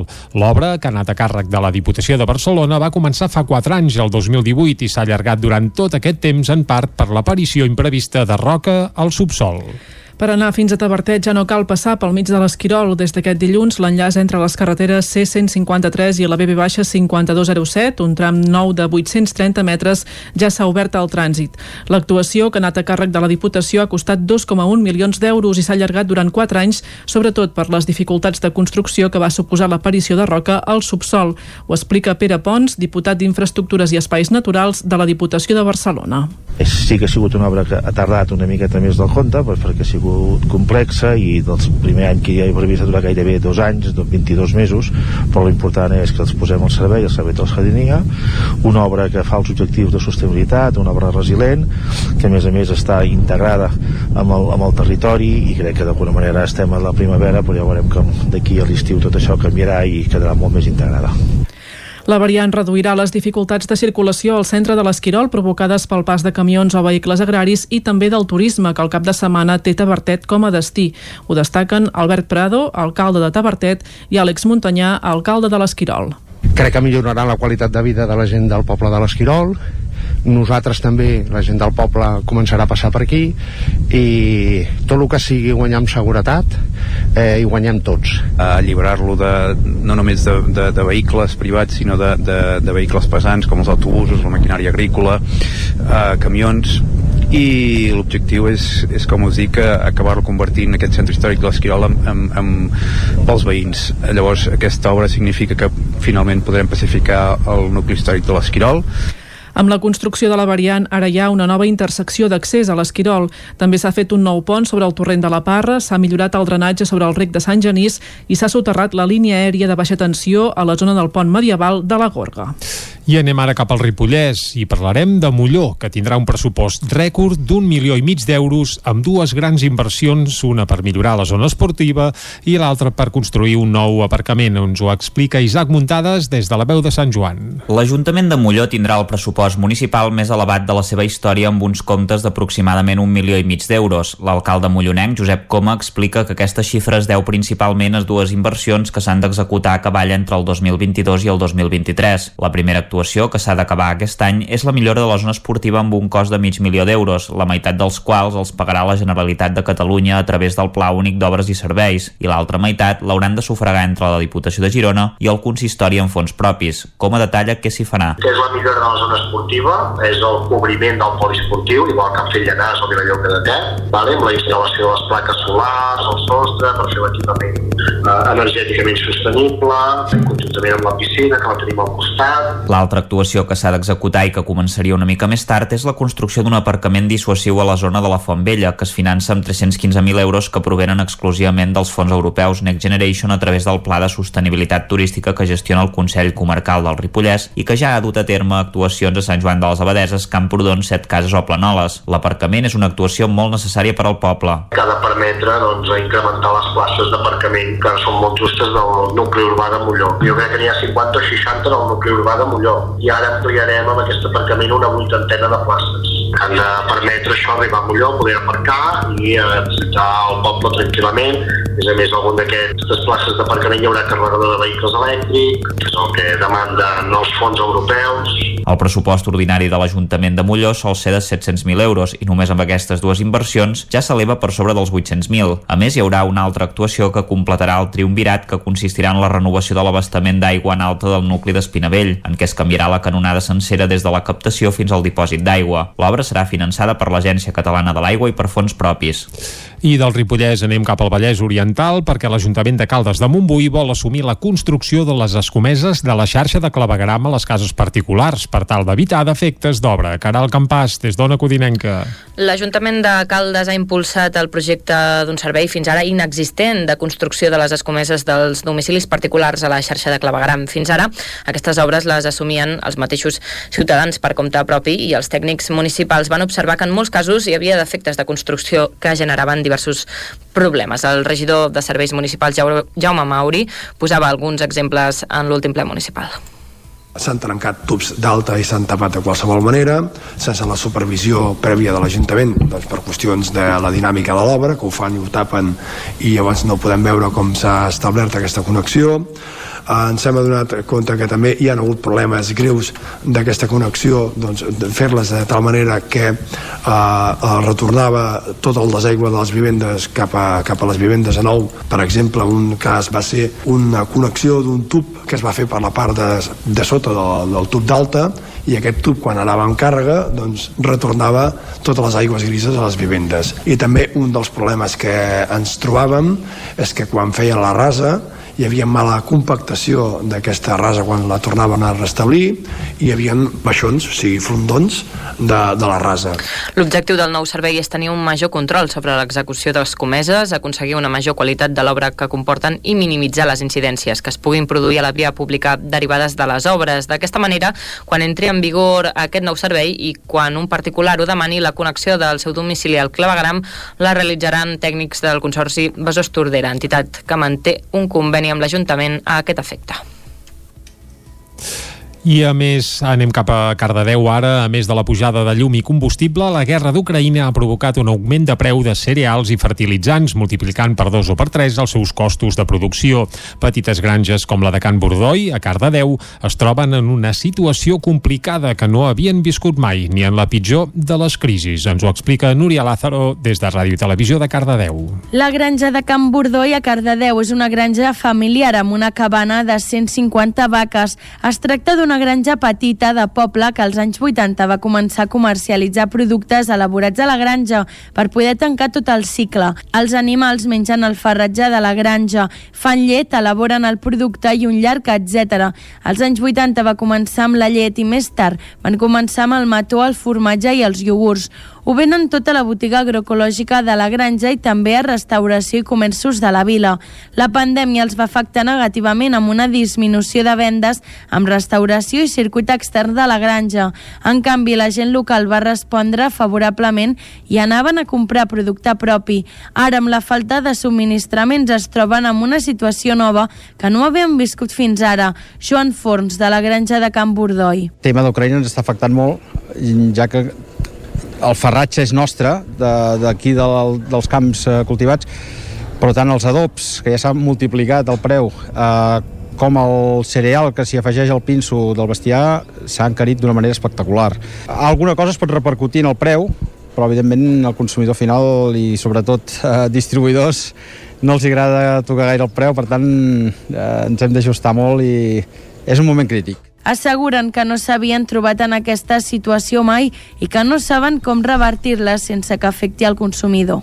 I deixem el Vallès i tornem cap a Osona per explicar-vos que un estudiant de l'Institut Sirvianum de Torelló guanya una competició d'àmbit estatal de formació professional pel que fa a la programació web. Configurar un portal web de reserva i gestió d'espais per jugar a jocs de taula i reproduir el popular joc per mòbils de la SERP en un entorn web perquè servís com a reclam publicitari d'una empresa. Aquests van ser els dos principals encàrrecs que l'estudiant de l'Institut Sirvianum de Torelló, Arnau Llopart, de 20 anys, va rebre per part del jurat de les Pain Skills, considerades les Olimpíades de la formació professional. I va excel·lir en la seva execució, ja que va guanyar la competició. Llopart recorda que la competició es va desenvolupar durant tres dies i mentre que als matins dedicava 5 hores a fer programació web, a la tarda participava a l'Speed Talent, on durant una hora es plantejaven problemes de programació que calia resoldre amb el menor temps possible sense consultar internet ni recursos externs. L'èxit en la competició estatal li ha obert les portes a competir al Mundial, que es farà a Xangai a l'octubre, i a l'Europeu, previst de cara al 2023 a Polònia. A les competicions, al costat de Llopart, hi ha el seu professor, Héctor Ortiz, que recorda que la victòria a l'estatal i també al Cat Skills, el certamen d'àmbit català, que Llopart també va guanyar, no va ser per casualitat. Llopart explica que l'ESO anava una mica perdut, però tenia clar que li agradaven els ordinadors. Per això va apostar per un cicle de grau mitjà de sistemes informàtics. Després va continuar amb el cicle superior de desenvolupament d'aplicacions web, estudis que va finalitzar el juny passat. De feina, des de llavors no n'hi ha faltat i de ben segur que el nou èxit potenciarà encara més la seva trajectòria laboral. Esports. I obrim pàgina esportiva per parlar de Michael Caicedo, que és una de les grans sorpreses del Barça de bàsquet d'aquesta temporada. I el jugador, que tot i tenir fitxa del filial ja s'ha estrenat tant a la Lliga Espanyola com a l'Eurolliga, té un passat usonenc.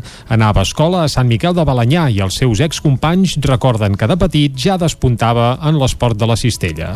La perla del Barça de bàsquet, Michael Caicedo, no deixa de sorprendre als seus 18 anys en cada oportunitat que li dona Sara Jessica Vicius, ja sigui a la Lliga Endesa o a l'Eurolliga. Format a les categories inferiors de la Roca del Vallès i el Club Bàsquet Granollers, l'escorta mallorquí, originari d'Inca, va arrasar en premis a les competicions juvenils pel seu físic, el seu talent i la competitivitat que mostra cada vegada que surt a pista i actualment és un dels noms més prometedors del panorama internacional. Pocs saben, però, que el jove té un passat vinculat a Osona i és que durant tres cursos va estudiar a l'escola Les Beceroles de Sant Miquel de Balanyà, al municipi usonenc, on tenia una tieta i cosines, i va arribar procedent de les Illes al curs 2012-2013 per fer-hi quart de primària i s'hi va estar fins a acabar sisè, al curs 2014-2015, quan la seva família es va traslladar a la Roca del Vallès. Un dels seus excompanys, Pau Fàbrega, recorda que a les tardes anaven a jugar a, les, a la pista de l'escola, al 21, o a futbol, i que Caicedo sempre els deia que acabaria jugant al Barça. I això que en aquell moment encara no practicava bàsquet a cap club. No va ser fins als 12 anys i ja al Vallès que s'hi va iniciar i la seva progressió ha estat meteòrica fins a arribar al Barça. I Michael Caicedo va tornar a la comarca el passat mes de març. Va ser al pavelló Castell d'Emplanes quan el filial del Barça, dirigit per Roger Grimau, es va enfrontar al Club Bàsquet Vic Vic en un partit de la Lliga EVA i ell va ser un dels jugadors clau en la victòria blaugrana anotant 17 punts. Aquell dia els aficionats al bàsquet d'Osona, que van omplir el pavelló fins a la bandera en un vespre històric, van poder gaudir de ben a prop d'un dels noms amb més futur de l'esport de la cistella. I fins aquí el butlletí informatiu que us hem ofert amb les veus de Natàlia Peix, Núria Lázaro, Isaac Muntades i Caral Campàs. Nosaltres ara el que ens toca és refrescar de nou la informació meteorològica per conèixer el temps que ens espera per a les properes hores.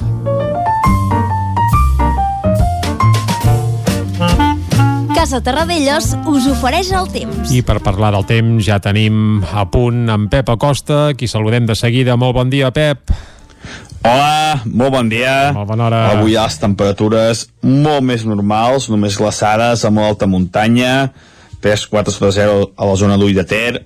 Allà és una zona on glaça uns 9 o 10 mesos a l'any, per tant és normal que el mes d'abril encara glaci.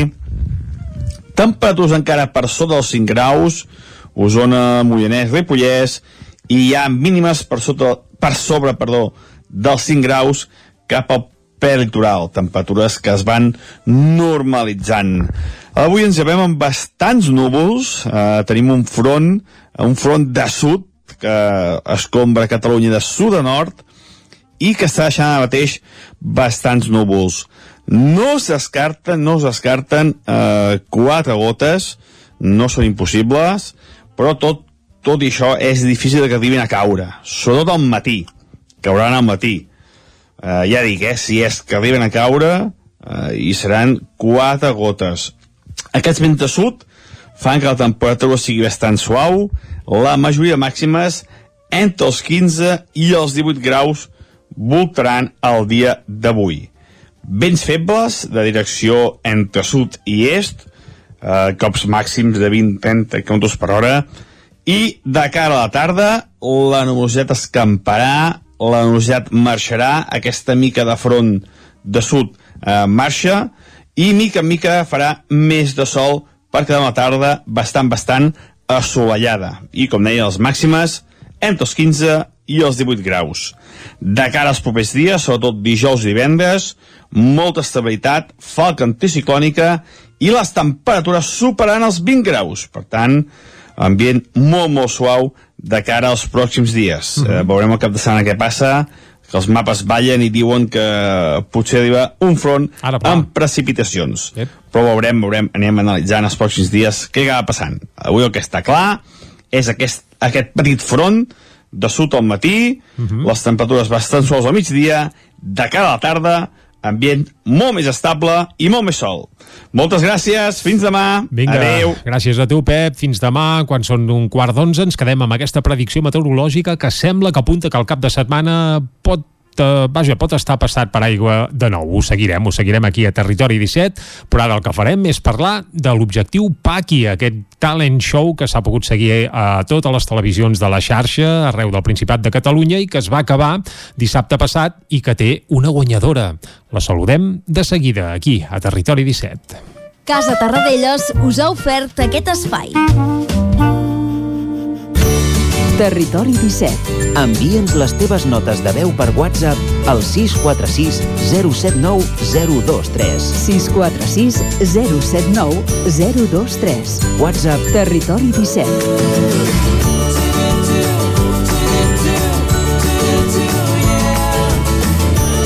Territori 17.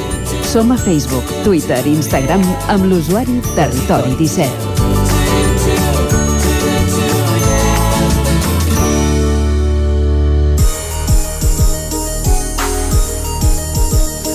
Doncs vinga, passa un minut d'un quart d'onze del matí, seguim en directe a Territori 17 i ara us parlarem de la segona edició d'Objectiu Paqui, aquest talent show realitzat per Ràdio Televisió de Cardedeu que va finalitzar dissabte passat amb una final super emocionant amb cinc participants i bé, hi va haver un guanyador, bé, més que un guanyador, una guanyadora. Aquesta segona edició d'Objectiu Paqui es va superar, va tenir rècord d'audiències, rècord de votacions i prop de 190.000 espectadors ho van seguir directe, ja fos a través de les televisions eh, locals o també a través de YouTube. Més detalls ens els acosta des de Ràdio i Televisió Cardedeu l'Òscar Muñoz. Òscar, molt bon dia.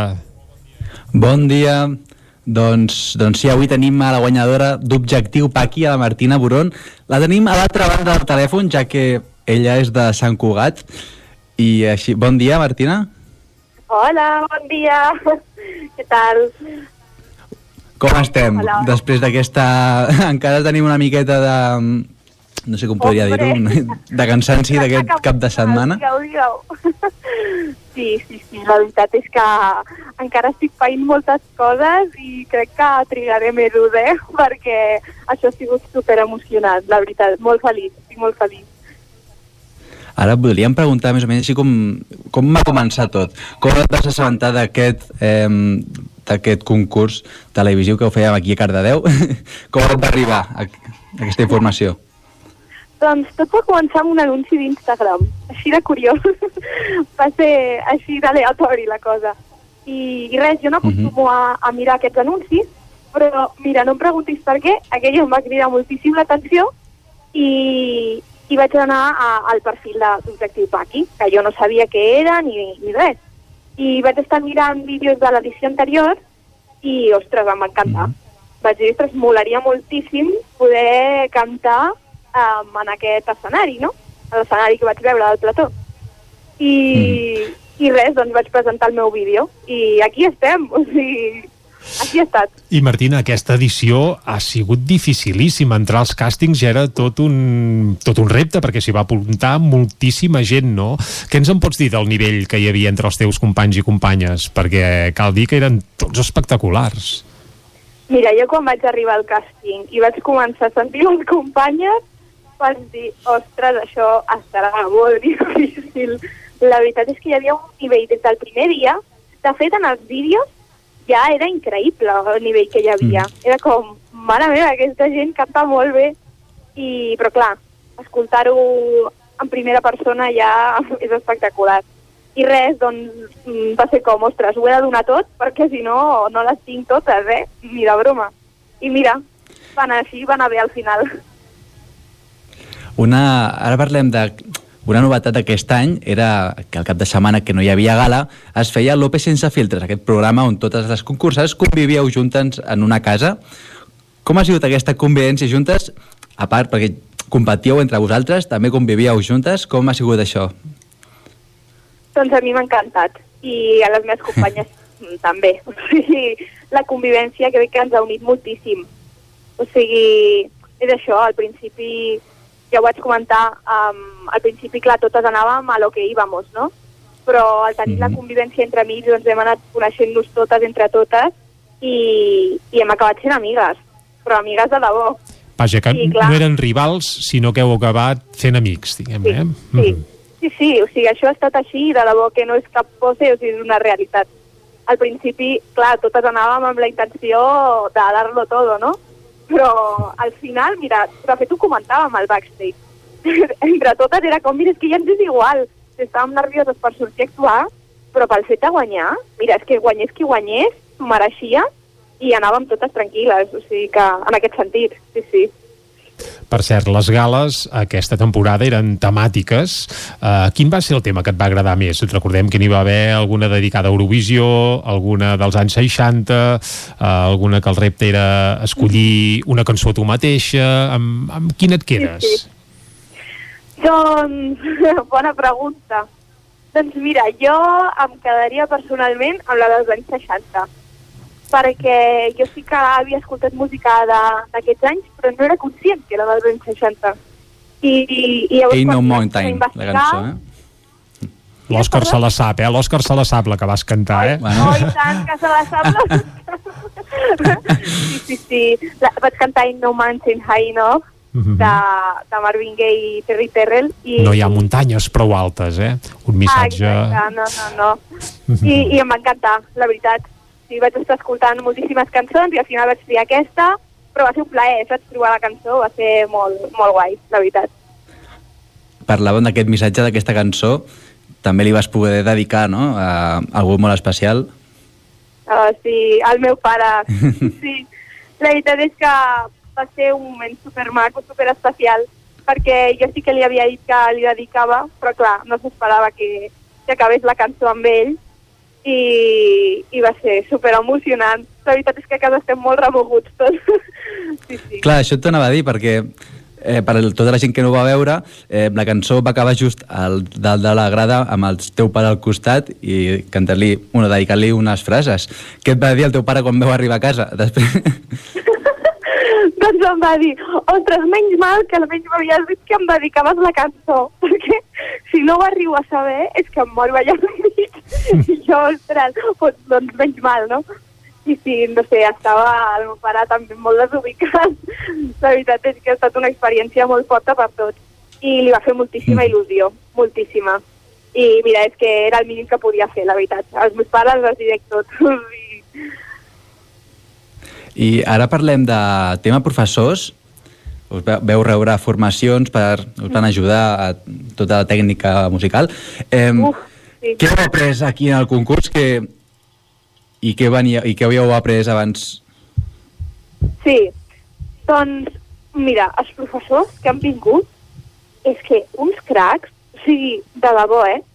o sigui, uns professors tan guais, tan increïbles, tan ben formats, de debò, estic, no sé, encantada de tots els consells que ens han anat donant i les meves companyes igual, eh, ho comentàvem després entre nosaltres, a lo, ostres, aquesta professora, ostres, aquest professor, mira, cadascú et donava un consell, doncs, jo què sé, els professors de, les professores de tècnica vocal, mira, prova de fer això, i provaves, i, ostres, realment canviava tot per complet, saps? Funcionava, no? Sí, sí, sí, sí, sí, amb interpretació igual, bueno, amb moviment, és que una passada, de debò. Perquè, per cert, Martina, uh, quina formació tenies tu abans? No sé si havies cantat ja amb algun grup, alguna banda, o havies estudiat música pel teu compte, o simplement la que s'havia fet a l'escola? És a dir, d'o- d'on parties?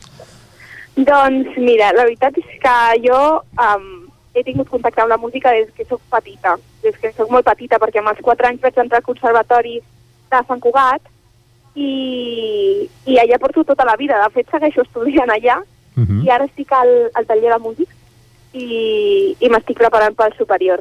Algun instrument Sí. també toques, Martina? Sí, sí, toco el piano, Mhm. toco el piano. De fet, al conservatori faig l'especialitat de piano clàssic i, i també és una meravella el piano, o sigui que no se'm dona tan bé, això s'ha de dir. la veritat és que em sento més segura amb la veu, però confio Això t'anava a dir, perquè no- no t'hem-. No t'hem pogut veure amb el piano a les actuacions? Potser Sí. també aquest seria un, un repte per tu? Uh, sí, sí, sí, aquest és el repte de la vida, eh? sí, però mira, confio que, que més endavant ho pugui fer, perdi aquesta por i, i a veure, a veure quan, a veure quan arriba aquest moment. I ara hem de parlar del futur, perquè, clar, el premi de l'Objectiu Paqui és l'inici una mica d'una carrera musical i tindràs l'oportunitat de gravar un single a un estudi professional, allò amb cara i ulls. Ja tens alguna cosa pensada o encara és d'hora? És a dir, quin, quins són els propers passos ara? Doncs mira, just ahir em vaig posar en contacte amb, amb Fea Music i ja vam estar mirant a veure què faríem, pensant idees, però encara li hem de donar moltes voltes i, i seguir treballant i la veritat és que estic encantada perquè ja m'han dit que això no és cosa seva, sinó que és important que jo m'hi senti còmoda i, jolín, és una cosa que s'agraeix. I res, ara doncs a seguir, a seguir treballant, ara en el single i després en tot el que vingui i a seguir estudiant perquè òbviament no puc deixar els meus estudis, són molt importants i això que anem, a tope.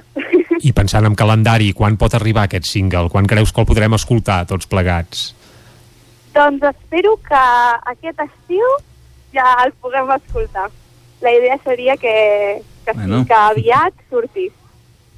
Tant de bo sigui molt aviat, perquè jo ja tinc unes ganes que no me les aguanto.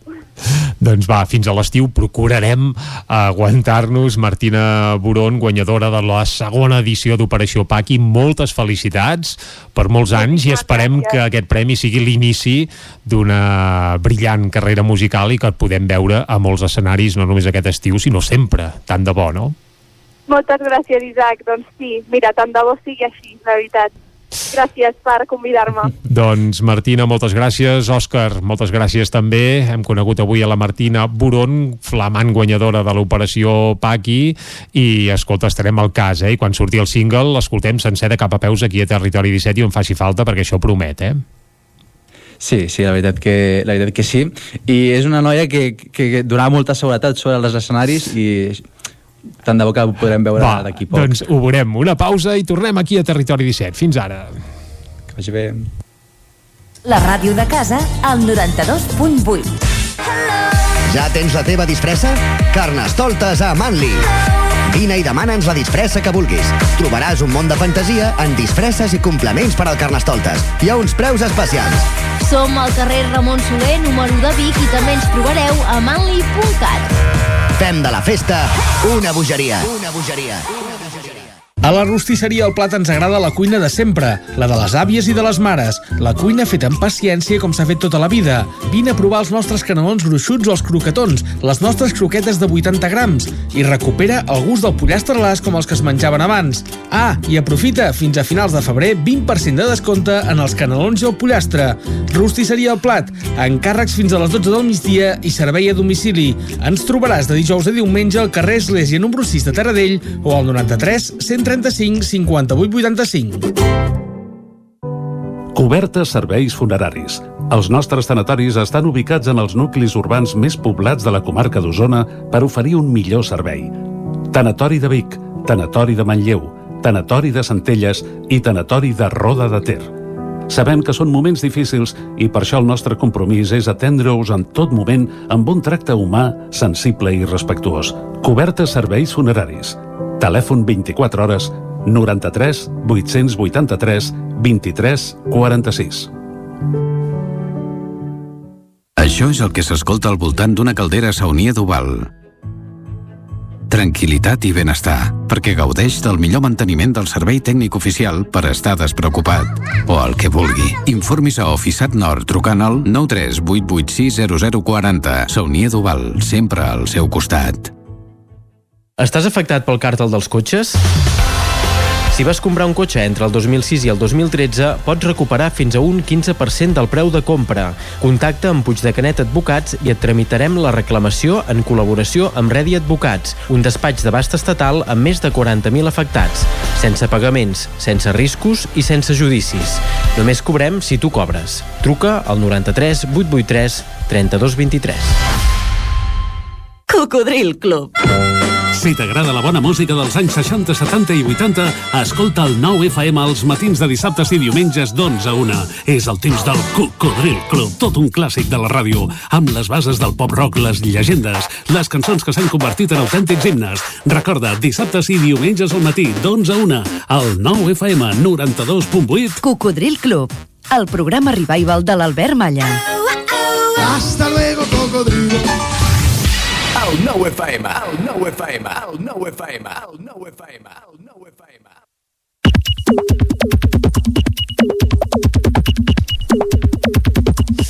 I a dos quarts d'onze en punt, quan arribem a l'equador de Territori 17, doncs arriba el moment de les piulades. Abans us hem avançat que ens acompanyaria en Guillem Sánchez com cada dia, però no, avui no tenim en Guillem Sánchez i tenim a la Natàlia Peix a les piulades. Natàlia, molt bon dia. Hola, bon dia de nou. Bon dia de nou. Avui, abans ja t'hem sentit també el butlletí informatiu. Avui eh, t'explotarem, No hi eh? sóc gaire, avui una mica més, eh? Bé, ja està bé, ja està bé.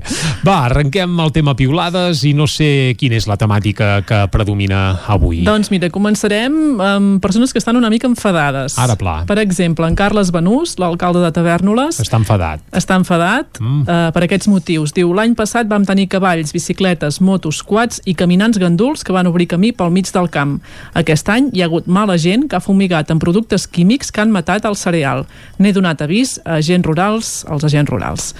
Ostres, Per tant, han fumigat amb, amb, eh, productes químics? Sí, de fet, això... ho, complementa diguem amb una, amb una fotografia en què es veu el camp eh, verd i al mig doncs tot un, un camí diguem eh, de color groc sí, Carai. sí, és, és així, és ben, és ben visible Doncs, déu-n'hi-do. Uh -huh. la Blanca, com dèiem, hem començat amb, Amb denúncia, persones amb enfadades amb denúncia sí, sí. i continuem eh, una mica en aquesta línia. La Blanca, ja ho vaig dir un dia i ho repeteixo, els que viviu a Barcelona i critiqueu els de fora que van a treballar en cotxe cada cap de setmana, que aneu de visiteta en algun lloc de Catalunya, feu en transport públic. Ànims. Aquí Uf, hi ha una mica de això sí repte, que seria, també. Això sí que seria una excursió i un repte, perquè sí, sí, fugir de l'àrea metropolitana en transport públic és més agosarat que gairebé que entrar a Barcelona amb cotxe privat, sí, sí. Anem ara cap a una altra temàtica, feines i ocupacions que poden ser divertides i si són vocacionals, doncs encara millor. Uh, tenim el testimoni de l'Íria. Tens vocació fins que el nen t'entra a classe amb 15 cucs de terra a les butxaques. Amb 15 cucs de terra, déu nhi 15 són molts, eh? Sí, ha fet una bona prospecció Potser és pescador, al pati. aquest eh? xicot, o bé, bé, està bé. I uh, l'Èric li respon, diu, hortolans a l'aula, el nou mètode per ensenyar la matèria orgànica. De fet, sí que es podria aprofitar, no?, en aquest sentit. I tant, i tant. Canviem de tema. A veure si us ha passat mai el que ens comenta l'Albert. Aviam. Respondre un missatge mentalment, però no respondre'l mai per escrit i no donar-te'n fins al cap dels dies. Jo crec que sí, que, que sóc una mica... Alguna vegada he sigut d'aquest club. Tu t'hi sents... Vaja, t'hi veus, t'hi veus aquí, eh? D'haver pensat que has respost un missatge i que en realitat no ho has fet. Bé, doncs ara n'estàs pensant algun o, o no seria el cas, eh? Sí, ara me'n ve un al cap. Va, doncs... Que vas llavors consultant de nou al WhatsApp, veus que no l'has escrit i, i ho fas. En fi, també fi. és, és de, dels despistats, això, les despistades. Uh, fa uns dies uh, parlàvem de l'olor de carnaval a Torelló, que ja és un lema doncs, uh, ben arrelat. No Sí. sé si a Vic també es podria parlar de Mercat del Ram, Ah, de d'olor de Ram, Mercat segur del Ram. que sí. De Carnaval ja ben asseguro que Vic no No. n'ha fet mai olor. No? D'olor de Mercat del Ram. De Mercat del Ram, i tant. Doncs sí, perquè és setmana de Mercat del Ram, aquest cap de setmana doncs, es viuran els dies centrals d'aquest mercat, la gent aprofitarà per venir a Vic i per això cal anar-se preparant, també. A les xarxes es poden fer recomanacions.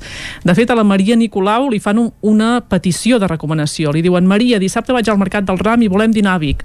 On Home, em la pots... Maria és de Vilanova de Sau, que els enviï el Ferrer de Tall, home, a casa seva. Li demanen, on em pots dir que no es passin de preu? I ella respon, vés a Can Rovira. A Can Rovira. Molt És bé. la seva no, no, recomanació. doncs ens ho apuntem. Vinga. Uh, no, no sé si sou més de trucar, d'enviar missatges o de deixar notes de veu. A la Marta li agraden les notes de veu, però fins a un cert punt. Diu, a mi "Esti-" no m'agraden les notes de veu, però vaja, ho deixo anar.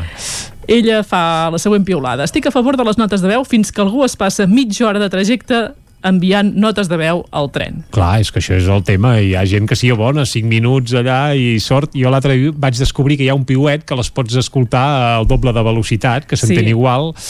I bé, el mal no és tan dur, Guanyes però, temps. però Déu-n'hi-do, eh? I encara parlant de mòbils, en Joel diu l'hòstia que li acabo de fotre al mòbil no té nom, cada vegada més convençut que actualment els iPhone són indestructibles. I en Pol hi afegeix li vaig tirar una cervesa sencera per sobre i encara funciona. Em sumo a la creença que els iPhones són indestructibles. Carai, doncs bé, home, uh, jo no ho provaré, però sí de cas, eh? Però, però bé, doncs vinga, ens n'alegrem. Molt bé, ho deixem aquí, Natàlia, i ara, abans de seguir anar cap a la taula de redacció, fem un cop d'ull, com fem cada dia, les portades del 99.cat. Per quina edició comencem? Comencem al Vallès Oriental amb els següents tres titulars destacats. Cardedeu comença a retirar les sis cabines de telèfon que hi ha al poble. Mollet projecta una gatera al costat de la deixalleria i les franqueses engega una campanya de civisme contra les caques de gos. I a l'edició d'Osona i el Ripollès, Vic posa a punt set apartaments on es podran quedar temporalment dones en situació d'emergència. Irene Solà porta l'univers polifònic de Canto Jo i la muntanya balla a la llibreria Foiles de Londres i la UBIC UCC investirà el 29 de juny l'activista Òscar Camps com a doctor honoris causa. Natàlia, moltes gràcies. A tu. Doncs vinga, quan passen 5 minuts de dos quarts d'onze, nosaltres ara anem cap a la taula de redacció. Territori 17.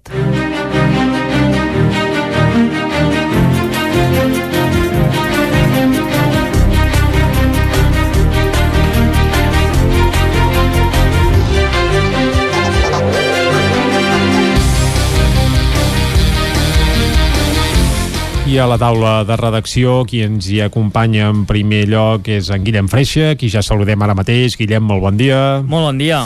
Com anem? Tot bé? Bé, amb olor de Mercat del Ram, com Sí, és el que anava a dir. Notes olor de Mercat del Ram? Sí, avui quan m'he llevat i he vist globus al cel, globus Ah. aerostàtics al cel, Un clàssic. hi ha una mica la trobada- pell de gallina, eh? ja us ho diré ben clar. Ostres, veig que ets, ets de Mercat soc, del Ram, soc sentit, sí, sí. Sí? Vull dir que... Uh, sí, Bé, també es nota a l'hora d'aparcar i de voltar per, Sí, per dalt també. a Vic, eh? és un altre tema. A Sí, part sí, de sí. mirar el cel, si mires els aparcaments també es va notant. Eh? La cosa es complica quan, quan no hi ha zones de la ciutat disponibles. Més aquest bastant. any també es tancarà la circulació al Parc Balmes perquè part de, bé, Mhm. de, del tema firal doncs serà en aquest indret i escolta, com que tu ets seguidor del Mercat del Ram, doncs alegria però no ens vens a parlar del Mercat No. del Ram però sí d'algun altre aspecte relacionat amb la capital d'Osona eh? Sí, exacte, eh? de la ciutat de Vic hi va haver ple municipal com és eh, habitual els eh, primers dilluns de cada mes a la sala de plens de l'Ajuntament de Vic i van sortir diversos temes eh, de força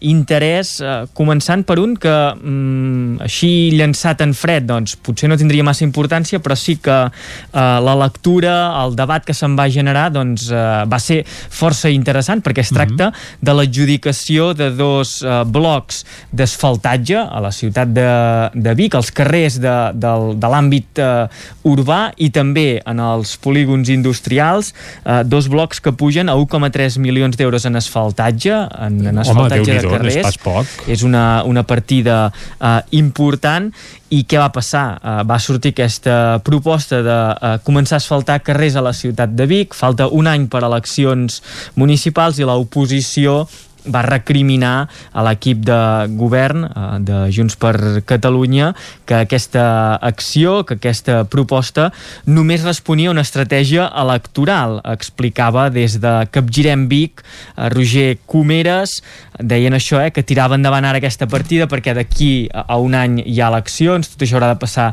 a uns tràmits administratius i en qüestió d'uns quants mesos començarà a haver-hi aquest eh, asfaltatge i també Comeres recordava que aquesta estratègia electoral és la mateixa que es va fer servir fa 4 anys, quan també en la prèvia de les eleccions, recordaven, es van asfaltar molts carrers a la ciutat de Vic. Amb l'import que és tan eh, elevat, també deien que la ciutat de Vic té altres necessitats que destinar eh, més d'un milió d'euros a asfaltatge sí que deien que en alguns punts concrets és necessari i cal fer Home, sí, hi ha llocs que fa millores, falta, eh? però que potser no calia una despesa tan elevada. També en aquesta línia es va expressar la regidora d'Esquerra Republicana, Maria Balasc, i ho va fer amb una frase um, una mica un titular, eh? Va deixar anar què un va dir? benvinguda campanya electoral, va dir i també va dir que s'ho prenien rient perquè si no es posarien a, a plorar al veure que, com també deia Comeres, es repetia aquesta acció de, de fa 4 anys i ells ho recordaven que fa 4 anys també hi va haver aquesta,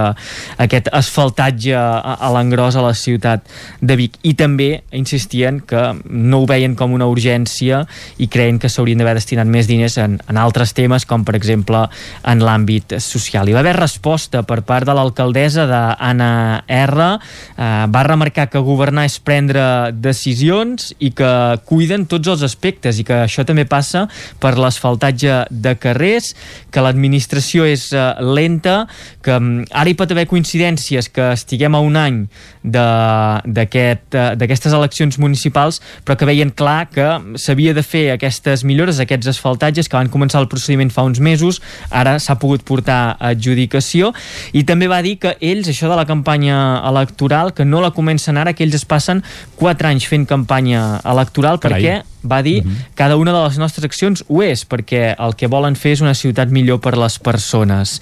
I va rebatre o va contestar també amb una mica amb un altre titular eh, el que havia dit eh, Balasc, aquest benvinguda campanya electoral, doncs va deixar anar um, Balasc ha deixat la porta a la campanya electoral, doncs endavant amb la campanya electoral eh, va deixar anar Anna R, per tant podríem dir que la ciutat de, Vic eh, ja ha començat eh, aquest ambient eh, preelectoral, recordem això, eh, que d'aquí un any aproximadament, al maig del 2023, hi haurà eh, eleccions municipals i a la ciutat de, de Vic doncs eh, s'arrenca aquesta, aquesta campanya electoral. Molt ràpidament, un altre tema que va sortir també que va generar força debat va ser la creació d'un organisme autònom per agrupar els serveis urbans de la ciutat de Vic, això vol dir bàsicament brigada municipal municipal i les eh, quatre entitats eh, que hi han que gestionen el, eh, arreglar els carrers la sí, sí, part... és Minsvic Exacte, hi han quatre eh, Vialnet quatre o empreses ara que són uh, mixtes. Uh, doncs tot això ho unificaran en un organisme autònom um, que es va aprovar es va aprovar inicialment en el ple d'aquest dilluns uh -huh. i aquí l'oposició el que va recriminar és que no havien rebut cap tipus d'informació de la creació d'aquest uh, organisme, que és un organisme que acabarà gestionant una partida de pressupost molt important, deien que es podia elevar fins als 15 milions d'euros i que hi votaven en contra uh, no pel fet que es creï aquest organisme autònom, perquè de fet en són partidaris que hi hagi aquest organisme que unifica aquests serveis urbans, sinó per la manca de transparència, d'informació i de trasllat del que s'ha anat fent en la creació d'aquest organisme autònom. Per tant, es van enganxar també en aquesta temàtica. Doncs, Guillem, moltes gràcies. Em vaig a Mercat del Ram. Doncs vinga, cap al Mercat del Ram, exacte. Mercat del Ram, orgull d'Osona. I això, que el Vic fa olor de Mercat del Ram. No sé si la Txell Vilamala ja l'ha notat, aquesta olor de Mercat del Ram. Home, sí? avui he vist els globus aerostàtics. Home, un clàssic, Oh. és que és una estampa que ja fa molts d'anys que acompanya això, l'entrada del Mercat del Ram de Vic. Uh, I a més, avui no feia un dia del tot clarot, eh? No sé si s'ha anat aclarint, però els globus tindran poca vista avui, potser. El que passa que, com bé dius, és bonic, eh? Uh, a vegades és, és això, la tradició pagesa sembla que es va perdent, però ve el Mercat del Ram i tots reconnectem uh, bastant sí? amb aquest... Penso que sí, penso mm. que sí.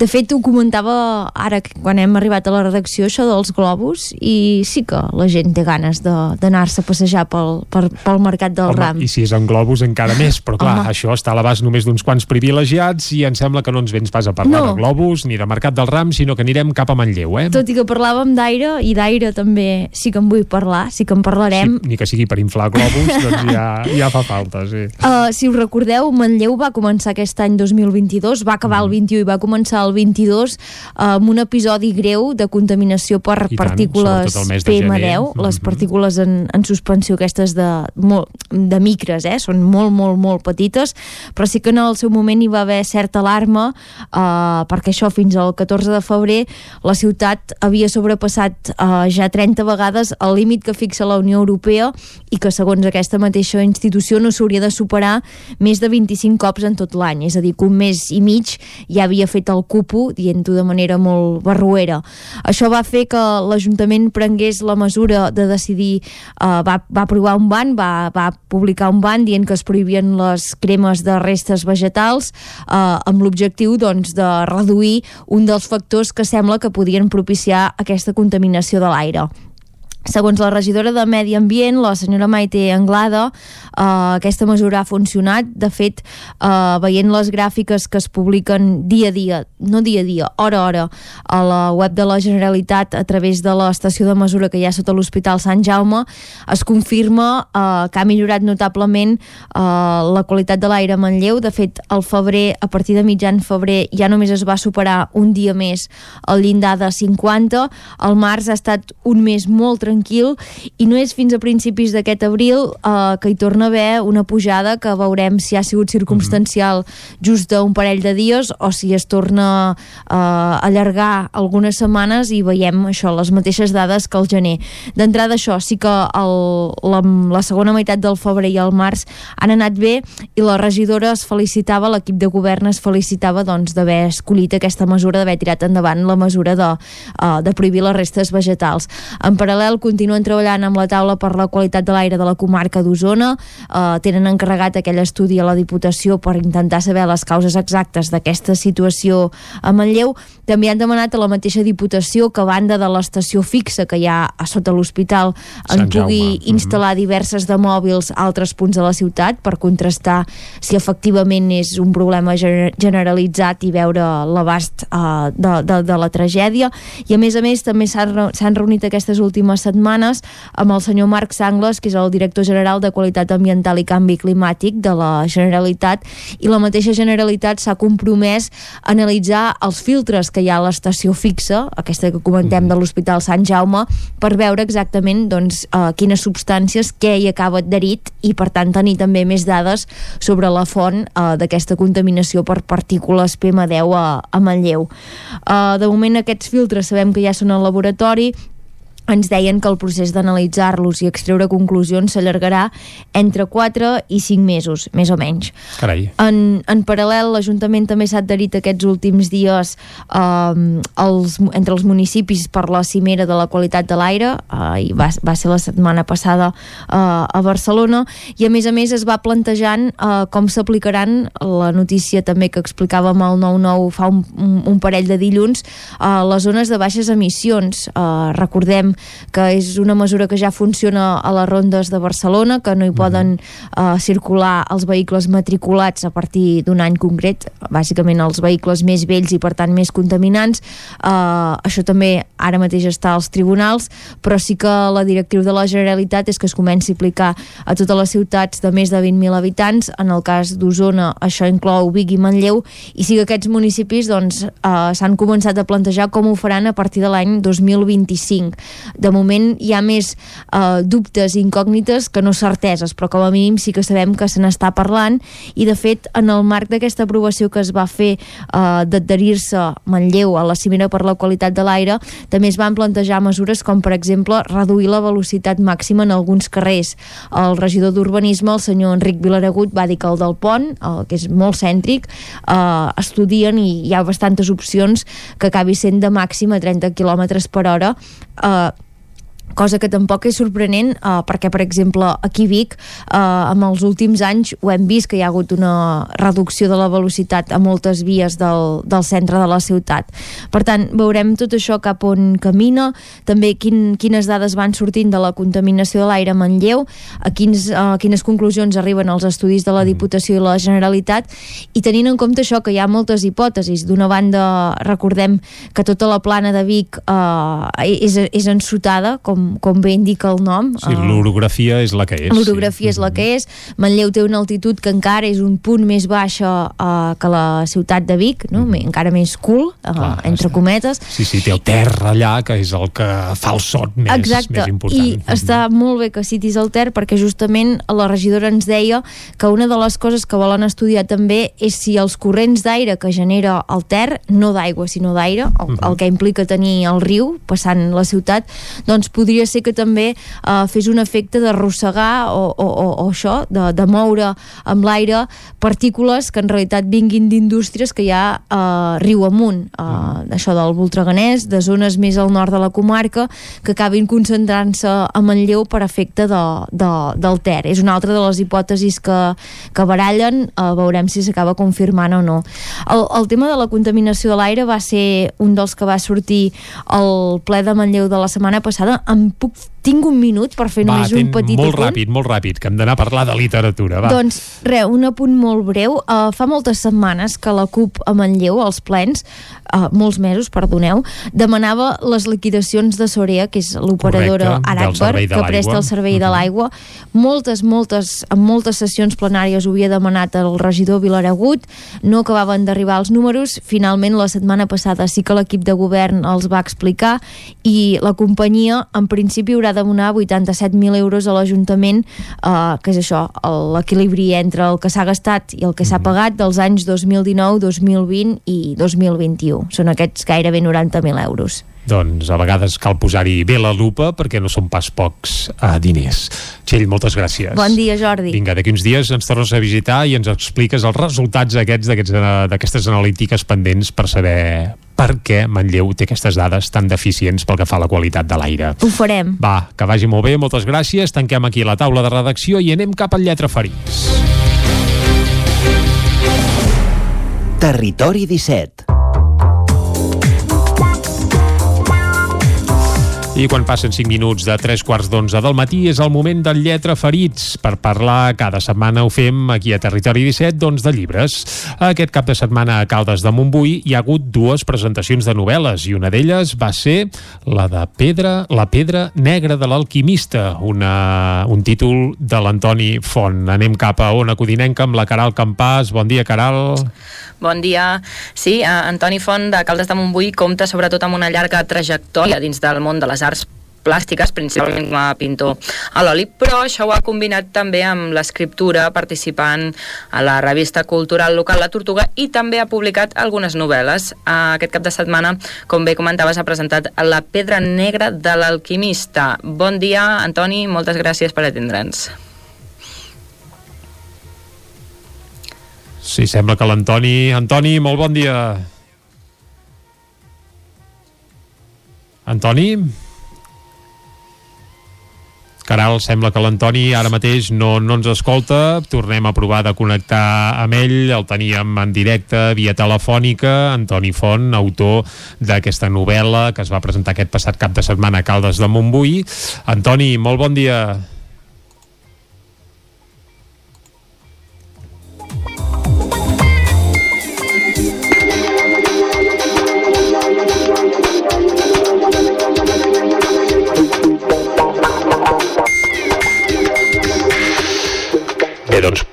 procurarem eh, connectar de nou amb l'Antoni Font i d'aquí uns minuts eh, mirarem si el podem saludar.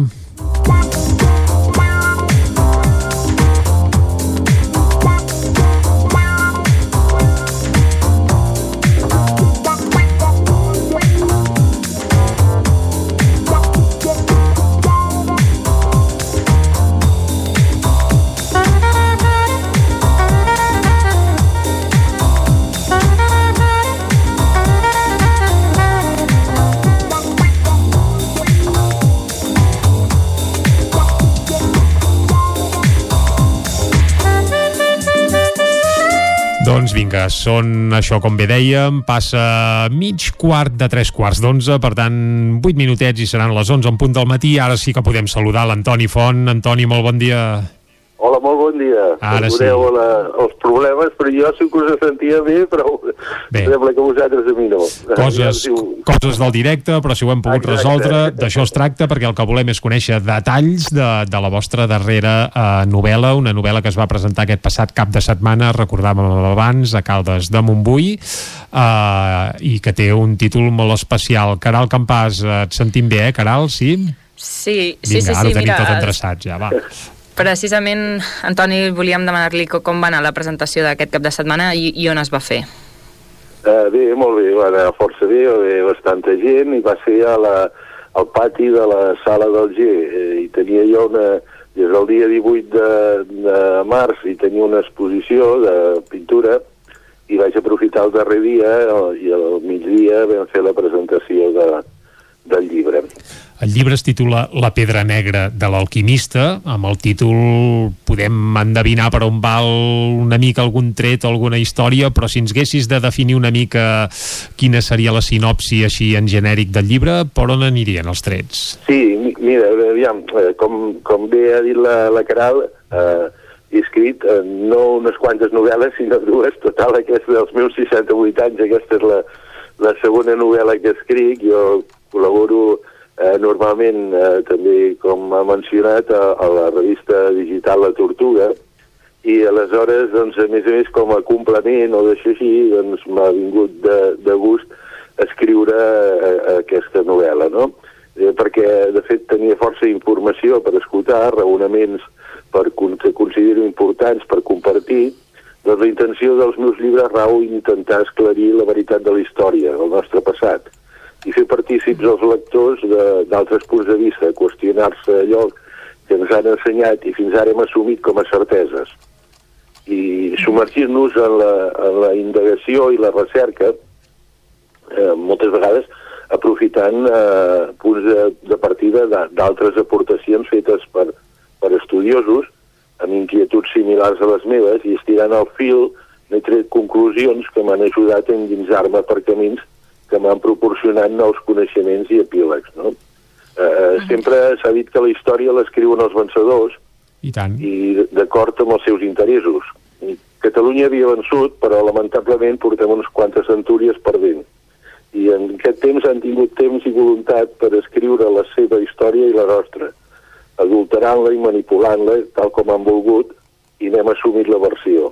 De la mateixa manera que els arqueòlegs excaven a la Terra per descobrir el passat, els astròlegs escudrinyen els cels per des descobrir els temps passat i futur, uns pocs tocats del bolet purguem en el temps i el passat per desentranyar la veritat de la història. Tocats del bolet no, Antoni, només faltaria. Tocats per, per la vareta de l'habilitat, eh, per exemple, a l'hora de transcriure en paraules, doncs això, tot el que succeeix en aquest cas a la pedra negra de, de l'alquimista. Mhm. La, la vostra primera publicació eh, individual va ser eh, L'Entul i el secret de l'aigua, que vau publicar el 2016, eh? Us hi vau posar sí, sí. tard, eh, entre cometes, també a, a escriure, eh? Com va anar això? Uh, bé, uh, ja dic sempre, a part, uh, per complementar uh, uh, el que sempre he fet, que ha estat pintar, doncs uh, en ocasions m'ha agradat escriure, he anat escrivint. La, de la revista La Tortuga anteriorment, quan es feia en paper, doncs ja també hi escrivia i he anat fent. I el, tenia escrit quelcom que podia ser un projecte de novel·la, però eh, simple, simplement eh, somiant que, mira, faria gràcia algun dia poder-ho publicar, però sense pretendre-ho massa ni posar-hi massa entusiasme, no, fins que se'm va presentar l'ocasió de fer-ho i, i vaig poder realitzar aquest, aquest somni, no? I aleshores aquest altre també era un recull d'investigacions, perquè m'agrada molt història i indagar eh, això que us comentava, no? temes que, que se- se'ns han explicat i s'han donat per cert d'una determinada manera i en canvi eh, es, són, són d'una altra, no? Podien molt ben ser d'una altra. Algun exemple, Antoni, per, a- d'algun fet històric que, que ens hagin vengut eh, estafat, vaja, ras i curt. Bé, per exemple, eh, el, el, el tema que, en què eh, es- està establert a la història de- d'aquest, del, del, de la pedra negra de l'alquimista, que l'acció transcorre entorn de l'any 1149, és a dir, dels, dels, quan la teòrica reconquesta, no?, i, per exemple, doncs, ens ha dit de la reconquesta que va començar a Cantàbria amb el Don Pelayo i, i, i va ser de, de, de nord a sud i tot això, i en canvi, doncs no, la, la, aquesta teòrica reconquesta va començar a Occitània, Aquitània, els Vascons i, i, i els comtes d'Urgell, que es van anar extenent cap a l'oest, cap per tota la, sí, tota la, la, la cordillera cantàbrica i després baixant cap a Extremadura. Amb la qual per exemple, trobem, es troben molts, molts topònims que s'han castellanitzat i eren d'origen català. I es va... Si, si, i, i és lògic, dir, si, el, si la gent d'aquí, els occitans, eh, eh, posteriorment catalans, es van, van anar conquerint aquests territoris i s'hi van a, a posar allà, lògic és que ho repoblessin amb gent afín a ells i que els hi posessin noms catalans, no? Eh, aleshores, eh, el cas de, de, de Valladolid, dir, Vall Adolit, podria molt ben ser. Eh, hi ha mol, moltes coses així. La, les quatre barres de la- de l'escut de, de la corona d'Aragó estan a, a, a, molts, a molts llocs de, de, de la part aquesta que dic, i fins i tot Almeria, no? Aleshores, eh, va ser quan es van, per exemple, eh, hi ha la, la població de, eh, de Benavente, a la província de Zamora, que quan va ser repoblada l'any 1164 va passar a anomenar-se Malgrat. Eh? O hi, ha, hi ha Extremadura, eh, hi ha molt Bellvís, Bellvís de Montroi, que es comporta cap a Bellvís de Montroig, no? a Cáceres, a Bellvís de la Jara, Toledo, Bellvís a Ciutats Real, i mm, tota una sèrie de coses així. Aleshores, diguéssim, la, la novel·la en si és, evidentment, per ser novel·la, eh, és un relat de ficció, hi ha una, una història, una trama, que és el fil conductor mm, per, i l'excusa per, per esbrinar tota una sèrie de, de, de conceptes i de coses, no solament el fet aquest dels, dels topònims, sinó eh, que em plantejo moltes altres qüestions, parlo de, de, de religions, de nacionalitats, de nacionalismes, d'astrologia, d'astronomia, eh, pel, pel, pel mateix títol, el tema de l'alquimista, amb temes esotèrics,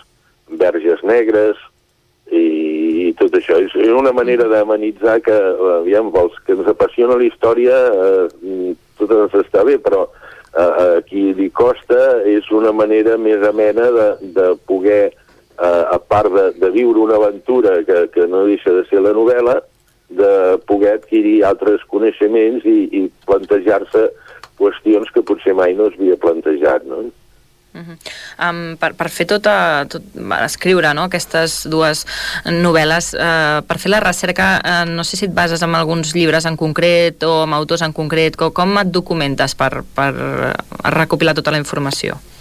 Uh, bé, uh, de, de, de tot arreu, de tot arreu on puc, de, uh, de llibres de, de, de gent que més o menys està en el, les mateixes investigacions, uh, hi ha de l'Institut Nova Història, per exemple, Jordi Bilbain, uh, Miquel eh, Maldado, uh, Jordi Salat, uh, són gent que, que estan investigant sobre totes aquestes mateixes qüestions i a part, doncs, avui en dia per, per internet hi ha treballs, recerques, has de saber estriar molt bé, perquè evidentment ja, ja sabem que hi ha de tot, no? Però és, és un... Aviam, no, no la vaig fer ni, ni en un any ni en dos, vull dir, porta molt temps eh, això i s'hi ha fet un treball eh, bastant acurat eh, per, per part de, de l'editor també i crec que ha quedat una, quelcom prou interessant i, i prou ben documentat. Doncs a les portes de Sant Jordi ens apuntem aquest títol, La pedra negra de l'alquimista d'Antoni Font, que ens ha acompanyat avui a Lletra Ferits aquí a Territori 17. Antoni, moltes gràcies per haver-nos acostat i posat la mel als llavis eh, d'aquesta pedra negra de l'alquimista, que sigui un excitàs i que vagi molt bé. Moltes gràcies. Moltes, moltes gràcies a vosaltres, molt amables. Vinga, bon dia. Caral Campàs, moltes gràcies també per acostar-nos a aquesta novel·la des d'Ona Codinenca. I nosaltres Fins ara. quan ens atensem ja a les 11 i 3 minuts del matí, anirem de nou al butlletí informatiu. Passen 3 minuts de les 11, és el moment de la informació a Territori 17. Territori 17, amb Isaac Moreno i Jordi Sunyer.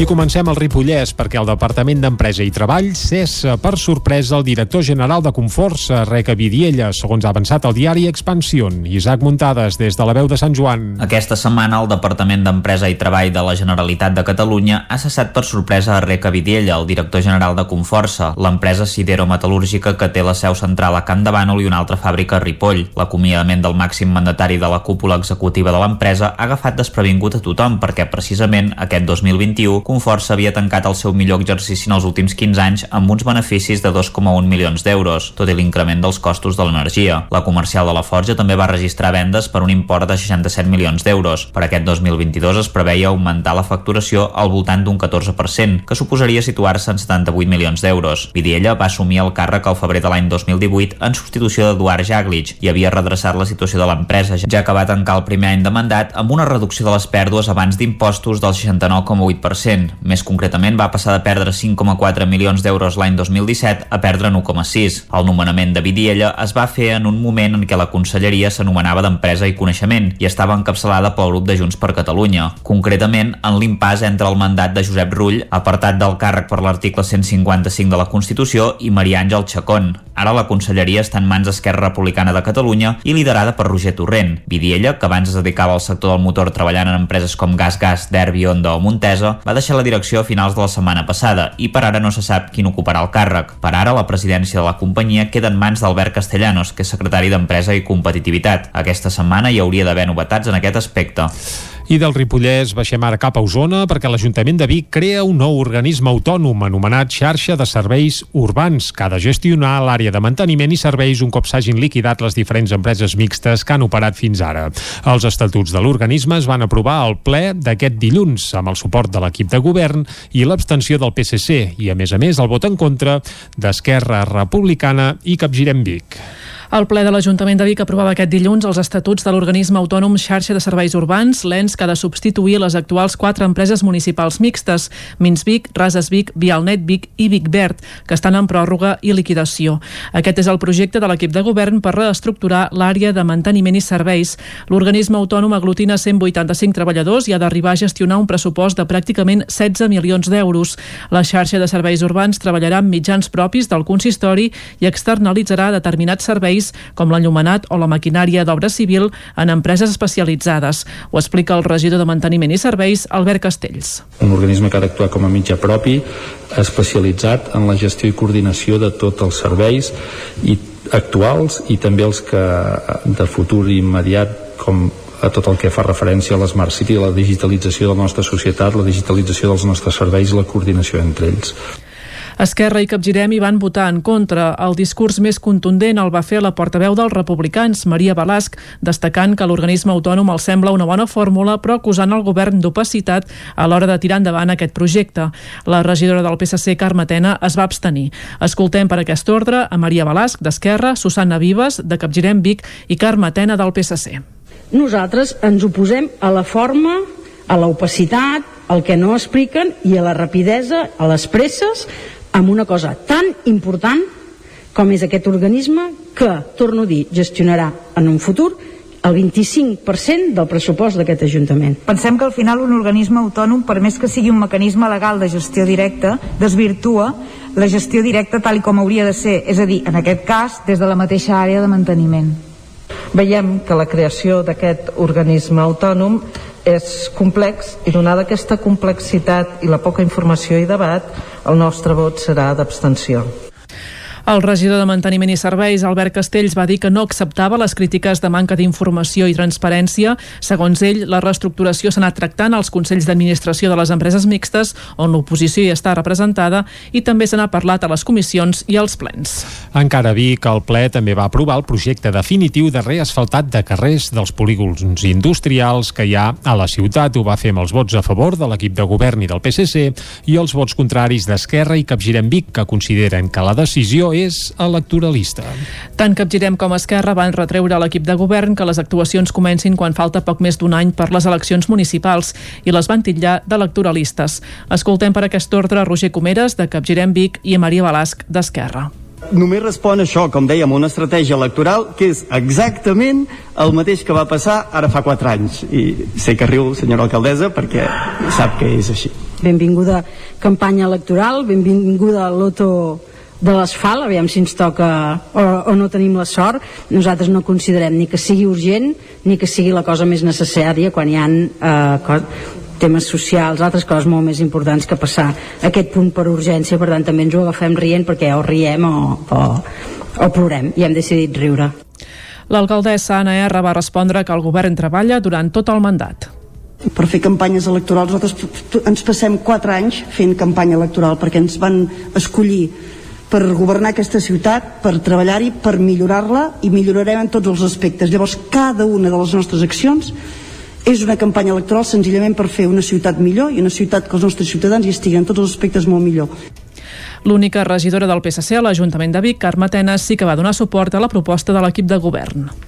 La cadena de supermercats Bon Preu obre un nou establiment a Llinars del Vallès. Bon Preu ja ha fet una inversió de 6 milions i mig d'euros i donarà feina a 37 persones. Núria Lázaro, des de Ràdio i Televisió de Cardedeu. Bon Preu va inaugurar dijous passat un nou supermercat a Llinars del Vallès. La inauguració va tenir la presència de l'alcalde de Llinars i diversos membres més del consistori. Des de Bon Preu va assistir a l'acte el president i director general del grup Bon Preu, Joan Font, i la directora comercial, Anna Anna Font. A més, també hi van ser diversos proveïdors de proximitat en representació d'empreses del territori com Cervesa Sant Jordi, embotits Pedregosa i formatges Mugent. Amb la botiga i anem ara cap a Caldes de Montbui, que actualitza el catàleg on es recullen els calderins que van ser deportats a camps de concentració nazis. Pere Torrades s'hi afegeix després que s'hagi comprovat que va ser deportat al camp de Dachau. Caral Campàs, des d'Ona Codinenca. Ja són 13 els ciutadans de Caldes de Montbui dels que es té constància que van ser deportats a camps de concentració nazis. Pere Torrades s'afegeix a la llista després d'haver-se comprovat que va ser enviat al camp de concentració de Dachau, on va aconseguir sobreviure. La particularitat d'aquest cas, a diferència dels 12 que estaven documentats fins ara, és el destí. La resta de calderins dels que es disposa informació havien estat als camps de Mauthausen-Gusen. La localització d'aquesta nova persona deportada obliga a actualitzar el catàleg amb els noms dels calderins deportats elaborat per Eduard Puigventós i editat pel Museu Termàlia. S'aprofitarà aquesta reedició digital per rectificar altres dades que estaven errades. En concret, es rectificaran alguns noms o adreces i també s'afegirà el nom de familiars i descendents dels que no es tenia constància. El nou document en versió digital està ja disponible al web del Museu Termàlia. Els diferents actes d'homenatge als calderins deportats s'han dut a terme els últims mesos i han permès localitzar aquesta nova persona de la que no es tenia constància que també havia estat enviat a un camp de concentració nazi. A més, les aportacions de diversos ciutadans també han permès corregir algunes dades que eren imprecises o completar-ne d'altres. Doncs fins aquí el butlletí informatiu de les 11 que us hem ofert amb les veus de Natàlia Peix, Caral Campàs, Núria Lázaro i Isaac Muntades. Ara és el moment, aquí a Territori 17, quan falten 3 minuts i mig per un quart de 12, d'endinsar-nos al territori sostenible.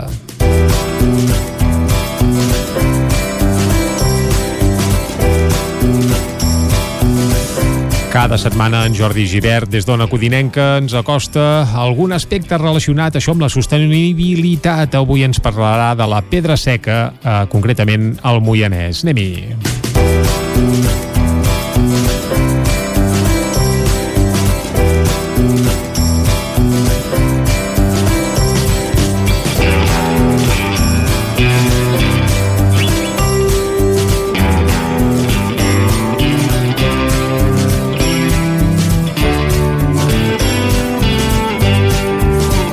Doncs el programa d'avui volíem parlar sobre el projecte que ja fa un temps que s'ha iniciat des de la Deopla de Bages amb el suport de la Fundació La Caixa i de Càritas per eh, recuperar eh, estructures de pedra seca. Per això tenim amb nosaltres el Pau Collado. Ell és eh, col·laborador de Càritas i també membre de Caramull, eh, l'empresa cooperativa que està uh, impulsant el projecte en el dia a dia. Uh, hola Pau, bon dia. Hola, bon dia. Pau, uh, per començar, uh, explica'ns una mica com, com sorgeix la idea, nosaltres vam parlar amb tu, deu fer ara fa vora un any, Uh, recordem una mica com sorgeix el projecte uh, de, de recuperar estructures de pedra seca uh, des de la Pla de Bages i, i aquestes entitats que comentàvem ara.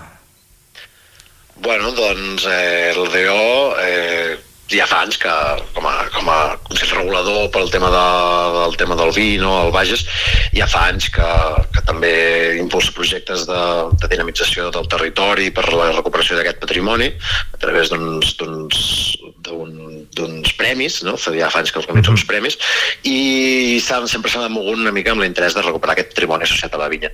Aleshores, paral·lelament, des de Càritas també hi anàvem treballant amb temes formatius des de l'àmbit agrari i, des de la, i complementàriament doncs, es va decidir també utilitzar la pedra seca com a com a forma d'agricultura social, no? com, a, com a eina de treball per tal d'ampliar l'espectre no? de, de, de, de tècniques d'agricultura, de, de, de, de, de projectes d'inclusió i després també de formació per, de cara a la, a la inserció laboral. Aleshores ja anàvem movent, des de Càritas s'han anat movent projectes per facilitar aquesta possible inserció, aprofitant una mica aquesta, aquesta auge que la pedra seca està vivint i, com deia, com a tècnica complementària al sector agrari. Uh -huh. Aleshores ha sigut com una complicitat no, de, de, de dues entitats que han anat treballant amb el mateix, que han vist un, una, una, un, o sigui, un, unes sinergies no, factibles i possibles i d'aquí és on han han sortit aquests, aquest projecte dels ajuts per a la restauració, uh -huh. que després es va anar a buscar una entitat que pogués finançar uns possibles ajuts i bueno, la Caixa es va, li va agradar molt el projecte per la, pel fet de juntar pues, dos, dos inquietuds i, i necessitats, com és la, la, la recuperació del patrimoni, la inserció laboral i de pas també, lògicament, pues, la dinamització del territori. Uh... I és, és, és d'aquí de què surt aquesta, uh... aquesta sinergia de dues entitats que s'hi han anat movent des de fa temps i han trobat el punt en comú en la pedra seca. Uh, de fet, uh, volíem parlar amb tu precisament perquè ha sortit uh, un nou paquet d'ajudes, el d'aquest any, uh, per la restauració de, de pedres seques. Ens pots explicar uh, com està organitzat, la gent que li pugui interessar, col·lectius, entitats, uh, propietaris, uh, com està muntat aquest, uh, uh, aquest paquet d'ajudes uh, a la recuperació de la pedra seca?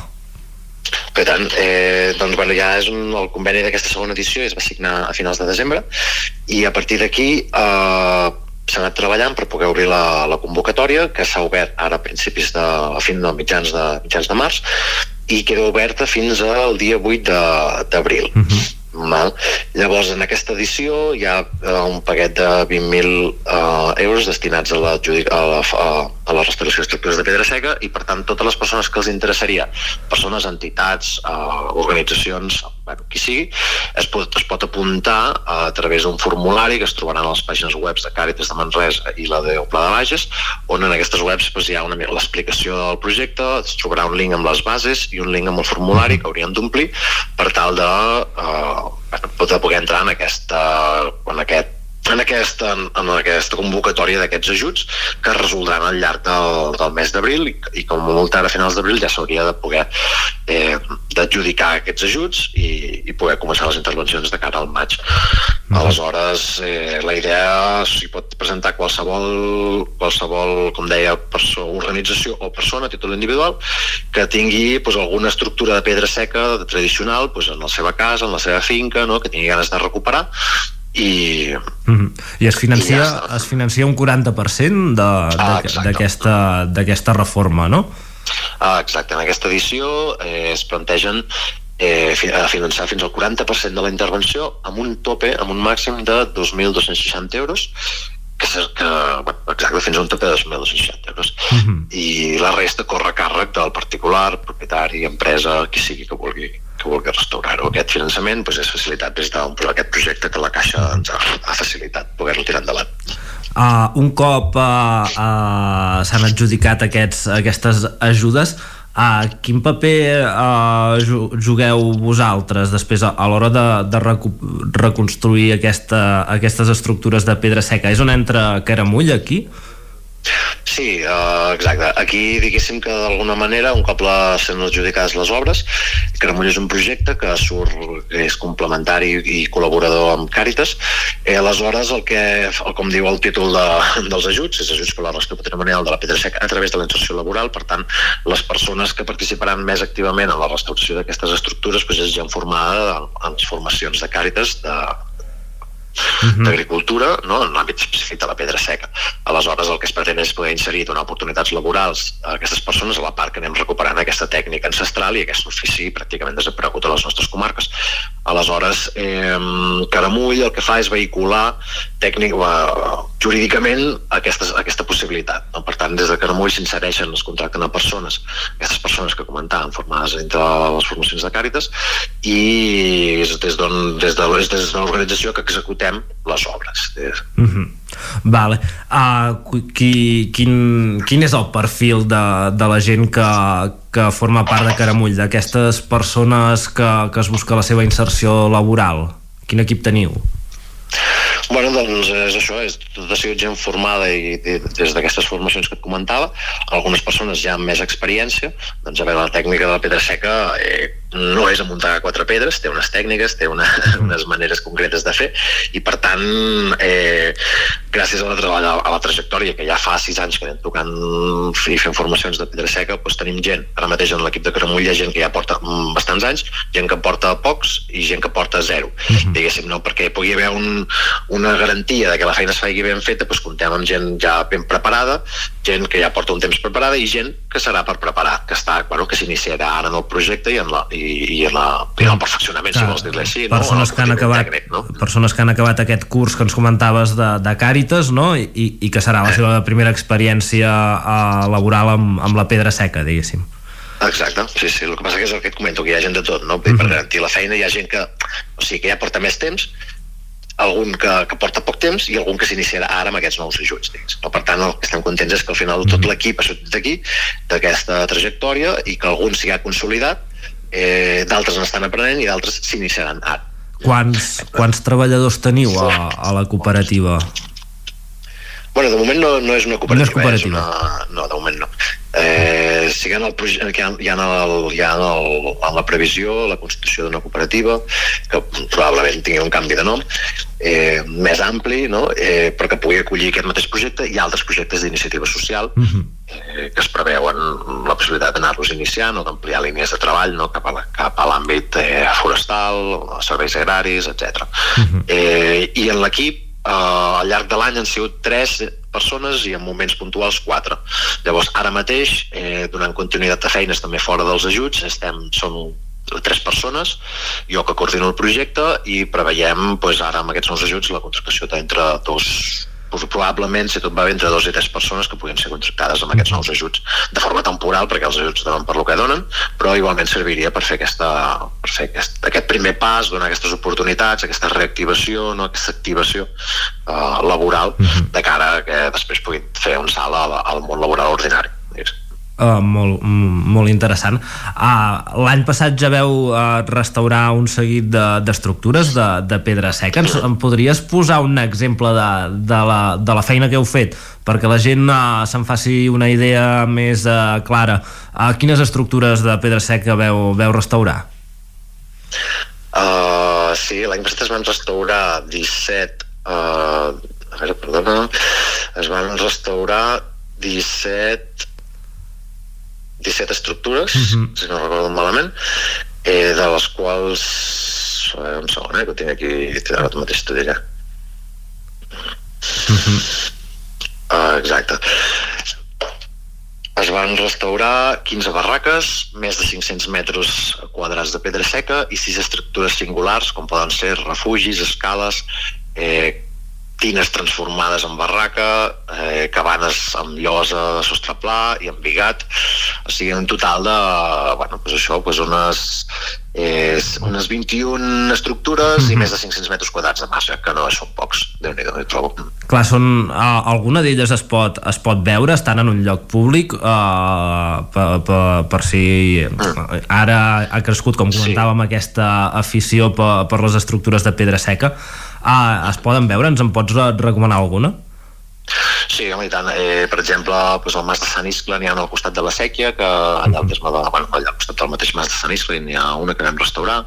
A Sallent també hi ha el castell de Sallent, just a dalt del castell de Sant Sebastià, uh -huh. també hi ha dos barraques i uns marges i un refugi, també als plans de Cal Cuques hi ha tot de marges que hem anat recuperant per acabar tota una tasca que el propietari ja havia començat en aquella zona, que és una, és una, és una, és una finca privada, però hi ha una servitud de pas i tothom hi pot passar. Uh -huh. És al costat de la Torre Lluvià. No sé, també a l'Ulla del Mas, també a Talamanca, les tines de Talamanca, i, um, bueno, i llavors hi ha que són més concretament en finques privades, que s'hi pot passar, però ja, ja estan en, una mica. en un terreny de, de, de casa privada. Sí, el que passa que molts d'elles estan en servituds en camins, que són servituds de pas, però ja són més, més emboscats. Jo diria que aquestes potser són les que són una mica més de caràcter més públic uh -huh. i que estan més obertes a la gent. Uh, has anomenat diferents uh, noms de cellers uh, s'hi han volcat, sí, o sigui hi ha hagut molt interès des de part dels cellers a, a participar uh, en, aquest, uh, en aquesta partida d'ajudes també, veig Bueno, ha, hi ha hagut participació de cellers, però és una de les línies també que es pretén impulsar és la recuperació d'aquest patrimoni en, associat al món del vi i, i era una de les línies a impulsar i a més que pogués donar dinamització socioeconòmica, no? una mica encarat a, uh -huh. l'ecoturisme i això. I per tant, en aquesta edició hi ha tres cellers que hi han participat eh, i creiem que esperem que en aquesta nova edició se n'hi apuntin més. Doncs és una oportunitat per anar recuperant aquest territori i, i afavorir uh -huh. pues, tot l'entorn. No? Esperem que en aquesta edició se n'hi apuntin de nous. Uh, el, el, els llocs on heu treballat són al, al Bages, només hi poden participar uh, propietaris, entitats de, del Bages en, a, en aquestes ajudes? Sí, realment seria Bages, Bages i Moianès, però al final és l'àmbit territorial de la denominació d'origen, o sigui, els municipis que estan inscrits vale. en l'àmbit de, la, de la denominació d'origen. Llavors, per això dic Bages i Moianès, eh, però sí, sí, eh, és en aquest àmbit concret de la Catalunya Central de Bages i de la denominació d'origen al final. -huh. Pau, moltes gràcies. Esperem que vagi molt bé aquesta segona edició de, dels ajuts a la restauració i que pugueu uh, ampliar i reformar moltes més uh, barraques d'aquest patrimoni uh, tan nostre com és la, la Pedra Seca. Molt bé, moltes gràcies i gràcies per la difusió també, que sempre va bé.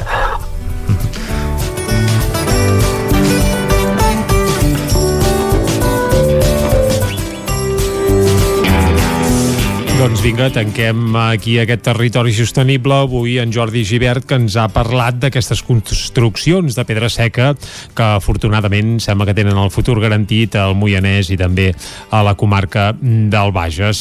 Uh, de moment aquí a Territoris 17, abans també havíem conegut La pedra negra de l'alquimista, la nova novel·la d'Antoni Font, n'hem parlat en Lletra Ferits, també hem conegut la guanyadora d'Operació Paqui, uh, la Martina, amb qui hem parlat i hem pogut comprovar doncs bé, que, que està molt esperançada, molt il·lusionada i que de cara a l'estiu segurament ja podrà publicar aquest seu primer single que hauria de donar pas a la seva carrera musical. Ara Territori 17 el que farem de seguida és una breu pausa, tornarem a dos quarts en punt anant a la R3, a la Trenc d'Alba i com tots els dimecres el que farem és acabar avui fent un repàs a propostes culturals per al cap de setmana, un cap de setmana marcat pel Mercat del Ram, però culturalment parlant hi ha molta i molta activitat, per exemple un cicle de música religiosa que arrencarà a, a Vic i també el Taradell Negre, un nou festival de literatura negra que arrencarà aquest cap de setmana concretament a Taradell. En parlarem a més a més amb una de les seves responsables, la bibliotecària Eva Laucó. Ara, però, el que ens toca és fer una breu pausa i tornem a això, dos quarts en punt, aquí a Territori 17. Fins ara. El nou FM, la ràdio de casa, al 92.8. Arriba la primavera i tornen les samarretes. A Gràfic Cert tenim una extensa varietat de samarretes per vestir el teu personal, promocionar la teva empresa, club esportiu, associació... Si estàs organitzant un esdeveniment esportiu o una festa cultural, una samarreta és una bona opció per lluir la teva marca. Ja ho saps, si el que necessites per la teva promoció és una samarreta, Gràfic Cert és el teu proveïdor. I ara també tenim a la teva disposició samarretes 100% reciclades tant de cotó com de polièster. No esperis més i truca'ns al 93 886 12 15 o visita'ns a graficcert.com. El racó de León ja és primavera. Gaudeix de la nostra terrassa. Vine a tastar les xuletilles de lechal a la brasa amb una bona amanida o el xuletón de vedella gallega. No et pots perdre el nostre lechado de Castilla al forn o el cochinillo a l'estil de Segovia. Tot acompanyat del millor celler, al menjador o fora la terrassa. Descobreix la millor cuina de Lleó sense moure't de casa. Vine amb la família, els amics, la parella o sol. T'encantarà. El racó de León, cuina tradicional lleonesa i de mercat. Som al carrer Torelló número 35 de Vic. Per reserves, telèfon 93 889 1950. El racó de León, una cuina diferent. Cocodril Club. Si t'agrada la bona música dels anys 60, 70 i 80, escolta el 9 FM als matins de dissabtes i diumenges d'11 a 1. És el temps del Cocodril Club, tot un clàssic de la ràdio, amb les bases del pop-rock, les llegendes, les cançons que s'han convertit en autèntics himnes. Recorda, dissabtes i diumenges al matí, d'11 a 1, al 9 FM 92.8. Cocodril Club, el programa revival de l'Albert Malla. Hasta luego, cocodrilo. Anuncia't al 9FM. La màquina de casa. 9 3 8 8 9 4 9 4 9. Publicitat arroba al 9FM.cat. Anuncia't al 9FM. La publicitat més eficaç. Rètols 2A. Experts en comunicació visual. Rètols, banderoles, vinils, impressió, plaques gravades, senyalització, displays... Rètols Dos Art. Ja són 25 anys al vostre servei. Ens trobareu a la carretera de Vic a Olot, número 7, al polígon Malloles de Vic. dosartvic.com Telèfon 93 889 25 88. Del 8 al 10 d'abril torna al Mercat del Ram de Vic amb més il·lusió que mai. Hi trobaràs un munt de propostes familiars i professionals, com el primer congrés VIP dedicat a la bioeconomia, els espais terra i cuina i la casa de pagès, o la mostra de productes artesans. Consulta la programació a vicfires.cat o xarxes socials i descarrega't l'app per no perdre't cap novetat. Torna al Mercat del Ram. Passa-ho!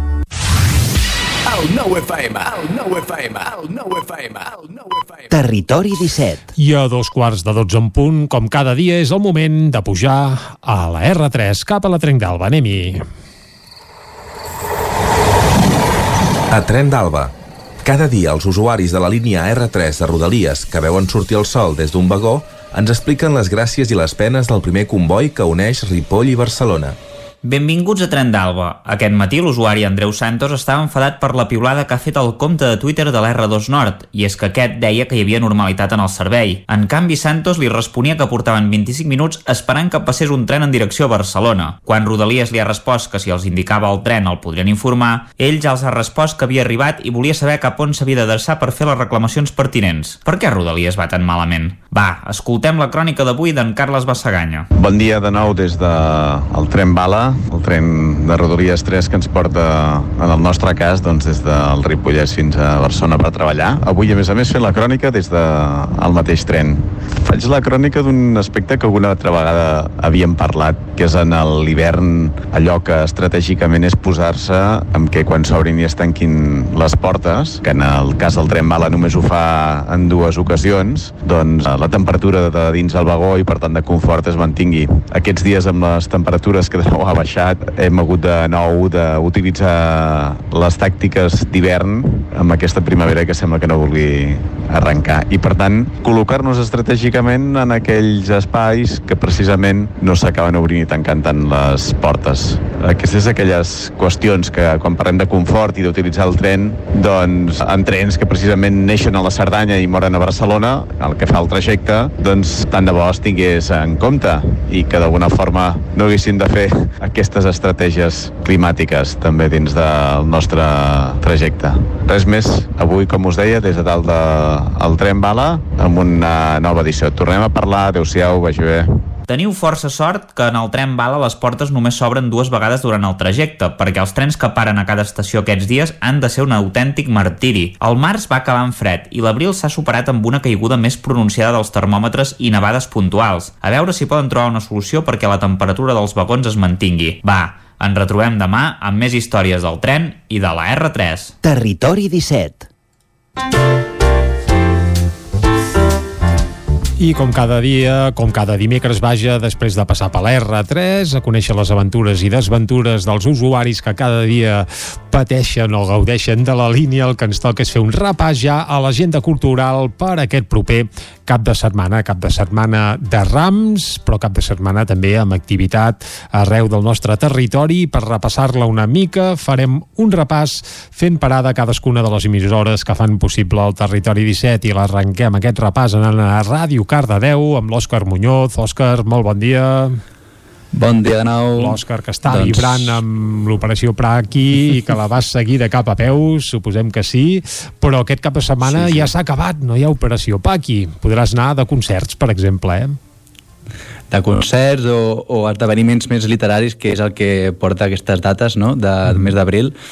Doncs així, comencem divendres a dos quarts de sis es farà la presentació de l'àlbum il·lustrat Bon Dia amb la presència i les cançons de la Damaris Jalabert a la Biblioteca Mar de Vialba de Cardedeu.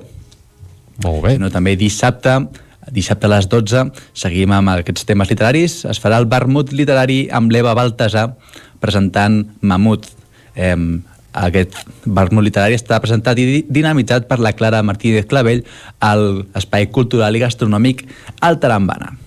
Si no, de, de Cardedeu ens anem a Granollers, també divendres, a dos quarts de cinc a l'espai cultural de joves al, a la sala 9 de Granollers es farà un K-event, un d'aquests eh, espectacles... K-event? Què, què s'amaga aquí al darrere? K-event, Ara, és un. K-event. Ara, ara s'entén, no, millor? A, al llarg de la tarda de divendres... Eh? Tampoc no gaire. Al llarg de la tarda de divendres s'oferiran unes dinàmiques pròpies de la cultura sud-coreana amb el K-pop, d'aquí ve el K-Event, és un Ah, K-pop, és aquesta música sud-coreana que està doncs, cada cop anant més cap amunt i també això, faran el K-pop, el Random Dance i es farà també doncs, això, sortejos eh, per tots els joves que hi siguin allà amb el marxandatge dels grups més populars entre els participants.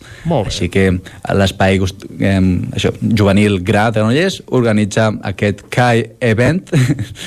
I això, i acabem divendres a Granollers també el mal 32è Festival de Jazz que ens porten relleus de la Adurne Aritzu juntament amb el Jazz Granollers i això, faran un recull de temes de l'Aritzu amb orquestració i sota la direcció d'en Joan Sant Martí. Aquest concert serà l'últim del 32è Festival de Jazz d'aquí Granollers, o sigui, amb aquest concert conclou el festival d'enguany. Fantàstic. I acabem, acabem a Llinars amb, Va, amb un esdeveniment una miqueta curiós. Ara pla. Val? A Llinars es recupera el parc de Nadal que es va posposar a aquest Carai, desembre. El Parc de Nadal I llavors... el fan aquest cap de setmana. Exacte. Barrufar. Ah, exacte. No hi haurà A patge 9 i 10 reial per això, eh? Intueixo. Exacte, canviarà una miqueta la- l'ambientació del parc, però igualment per accedir-hi s'haurà d'entrar amb, una, amb una joguina o amb un o amb un pot o amb un aliment per, per això, perquè sigui solidari no? la, la causa, i això serà al pavelló d'octubre i a la plaça dels Països Catalans i doncs hi haurà diferents activitats perquè els nens s'ho passin bé i poder recaptar doncs, eh, joguines, aliments per tota aquesta gent més necessitada. Doncs vinga, a les portes de Setmana Santa, recularem fins a Nadal. Moltes gràcies, Òscar. I de Ràdio Cardedeu anem cap a Ona Codinenca per saludar la Caral Campàs. Caral, molt bon dia de nou. Bon dia. Sabem bon dia. que tens feina, eh? t'has de llegir La pedra negra de l'alquimista. Uh, tindràs Sí. tota la Setmana Santa per fer-ho, però per aquest cap de setmana què més ens proposes? Doncs mira, tindré més feina perquè m'hauré de llegir un altre llibre. Ara, pla. Eh, Bé, no, que està bé, està bé, llegir és bonic, eh? Sí, eh, això, eh, a, a Caldes de, de Montbui aquest dissabte, dia 9, la Mercè Jorba presenta el llibre Camins de Glòria i Tempesta. Aquesta presentació literària serà a la Biblioteca de Caldes, com deia, eh, dissabte a les, a les 12. I de Caldes me'n vaig a Vigues i Riells del Fai, aquí tenim una nova edició del cicle Cinema Gaudí uh, i projectaran aquest divendres a les 8 del vespre al Teatre Auditori Polivalent Mediterráneo. Um, és una pel·lícula com deia, eh, marcada en el cicle Gaudí, que parla i es basa una mica en els fets reals sobre el naixement de Proactiva Open Arms. Amb l'Òscar Camps, que recordem-ho, serà doctor honoris causa per la Universitat de Vic. Ho hem avançat avui aquí a Territori 17. Mm -hmm. Uh -huh. Doncs uh, aquesta pel·lícula es, pod es podrà veure uh, tant a Vigues i Riells com també al Moianès, a Santa Maria d'Oló, a l'Espai Amalosa, uh, però en aquest cas la projecció és diumenge a les 6 de la tarda. Després me'n vaig a Sant Feliu de Codines, aquí tenim una exposició, l'alma mater de, del del grup de teatre de Xelles 81 d'aquí Sant Feliu de Codines, en Josep Canet eh, és polifacètic i ha preparat una, una exposició d'escultures que porta per nom de llibertat i opressió eh, i es podrà veure fins al dia 17 d'abril al Centre Cívic La Fonteta. Val a dir que, que aquest divendres es fa eh, aquest divendres a, la, a les 8 del vespre es fa la inauguració també al Centre Cívic La Fonteta d'aquesta exposició d'escultures de, de Josep Canet. I tanco eh, amb dues propostes al Moianès. Uh, una és uh, teatre, a les faixes de Moià, el grup de teatre Coliseu de Sant Vicenç de Castellet presenta Com els testos a les olles, un monòleg de l'Ali Sisteré Oviedo, uh, serà aquest dissabte a les 7 de la tarda, i també uh, el Moianès um, l'artista la, Sara Boldú eh, porta l'exposició Artistes amb tractor, en aquest cas a l'Estany, i es podrà veure fins al dia 24 d'abril. I no cal anar-hi amb tractor, eh? Per, per anar a veure, diguem-ne. No cal anar-hi amb tractor. Doncs moltes gràcies, Caral, per aquestes propostes. Anem ara cap al Ripollès, des de la veu de Sant Joan amb l'Isaac Muntades. Isaac, molt bon dia. Molt bon dia. Va, què ens molt proposes dia, per fer aquest cap de setmana al Ripollès? A part de venir a fer el vol o el que faci falta, eh? Per començar, aquest cap de setmana tenim una obra de teatral molt especial, que ja n'hem parlat diversos dies a l'informatiu. Eh, hi ha el cicle de teatre de props íntims, amb aquesta obra que es diu 42 dies, eh, que això recordem que començarà Uh, hi haurà quatre funcions, dijous, divendres, dissabte i diumenge, les dues primeres a dos quarts de nou del vespre, la de dissabte a les 6 de la tarda i la de diumenge a les 5, i que ja s'han acabat la, les entrades, que costaven 10 euros, ja s'han exaurit totes, no, no s'hi podrà assistir, però uh, sens dubte és una és una obra de teatre molt interessant perquè és, uh, explica la història d'en Ramon Verdaguer, que ja n'hem parlat, que va estar 42 dies a la UCI uh, a l'Hospital de Can Ruti de, de Badalona per culpa de la Covid, que pràcticament doncs, tenia gairebé el 100% de possibilitats de morir perquè va estar intubat i va tenir diverses complicacions, se'n va sortir i a partir d'aquí doncs, va explicarà doncs, la seva història eh, en, aquesta, en aquesta obra que ha confeccionat juntament amb el director i dramaturg eh, Jordi Pérez i ell és un dels tres actors que, que hi formaran part eh, ell explicarà doncs, les seves vivències després hi haurà un actor més professional Àlex Galimany que s'encarregarà doncs, de representar tots els papers de l'AUCA una mica, és a dir, farà de família de metges, etc etc. i també hi haurà un titella que representarà els malsons d'aquest Ripollès durant doncs, el, el temps que, que va estar eh, intubat i que evidentment no recorda absolutament res eh, aquests 42 dies entre el febrer i el març del, del 2021. Déu-n'hi-do l'experiència d'aquest Ripollès. Sí, sí, déu nhi serà segurament una obra colpidora però que ell ho va dir, acaba en final feliç perquè no és ben bé un drama total sinó que hi ha també fragments de comèdia. Això seria una de les coses després, de cara a aquesta Setmana Santa el Museu Demogràfic de Ripoll organitza una nova activitat familiar que es diu Missió Moet Salva el Museu eh, i que explica que les peces del museu estaran en perill i s'haurà d'ajudar aquest eh, pollet, que es diu Moet, a resoldre un seguit de, de missions per ajudar a salvar-les i només caldrà eh, doncs, eh, un, un mòbil, un dispositiu mòbil per poder-lo eh, fer, fer servir per, per salvar-les i, i bé, eh, a més eh, també s'han amagat intrusos a les, a les vitrines, que són objectes actuals que s'han col·locat al costat doncs, d'objectes doncs, que estan normalment al Museu Etnogràfic i que també les persones que el visitin ho hauran de, de trobar els més petits podran gaudir del taller Fem un xall a partir de la silueta d'una ovella, que la podran vestir i cobrir-la de, de llana de veritat i pintar-la com vulguin.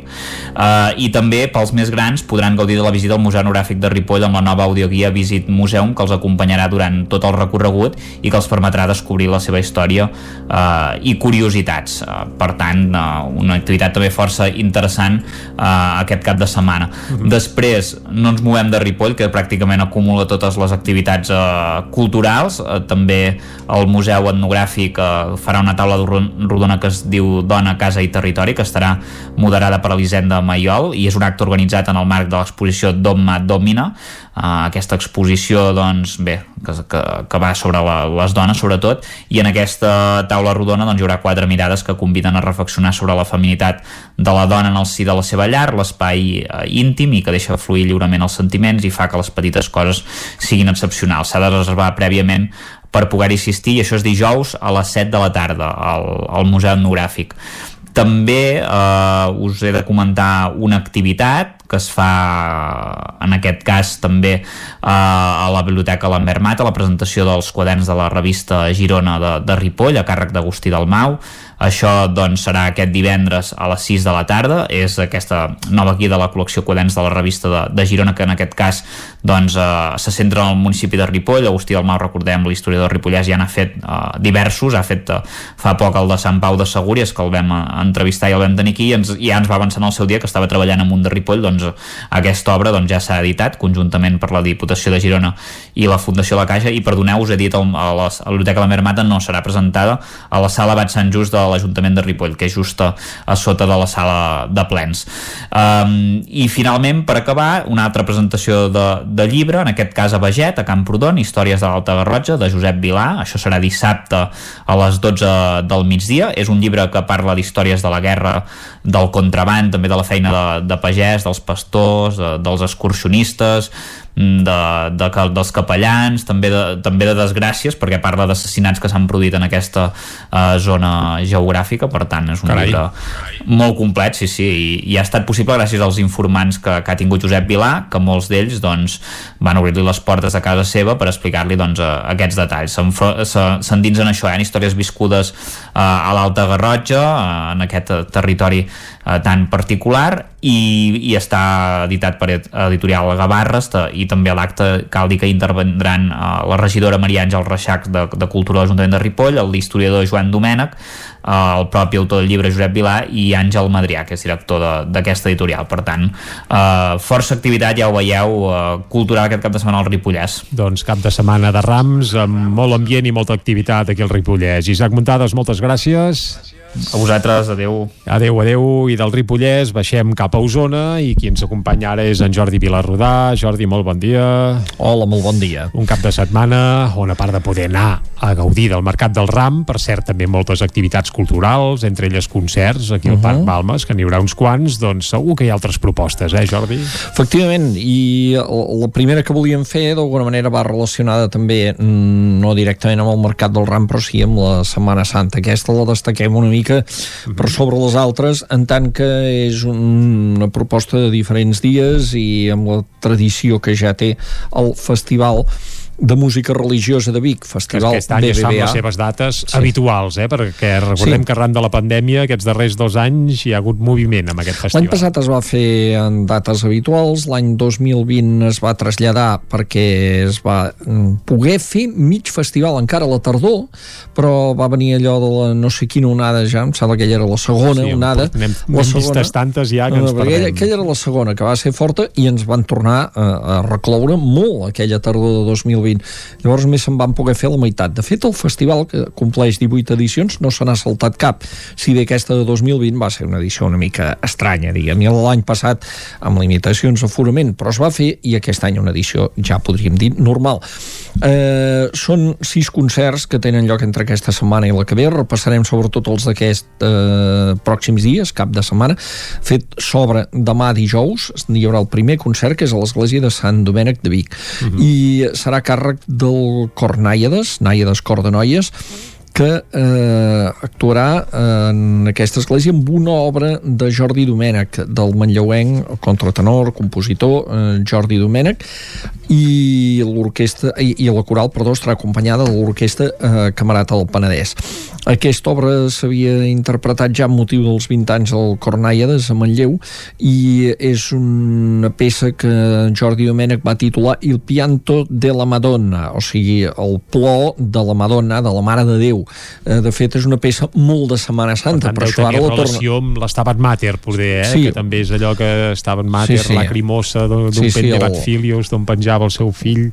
Sí, és, sí. és la visió de la, del dolor de la mare davant, o sigui, la, la visió de la crucifixió però agafada des del dolor de la mare agafant la tradició dels Stabat Mater. Mhm. i hi haurà altres peces en el concert, però aquesta serà la peça principal que s'interpretarà.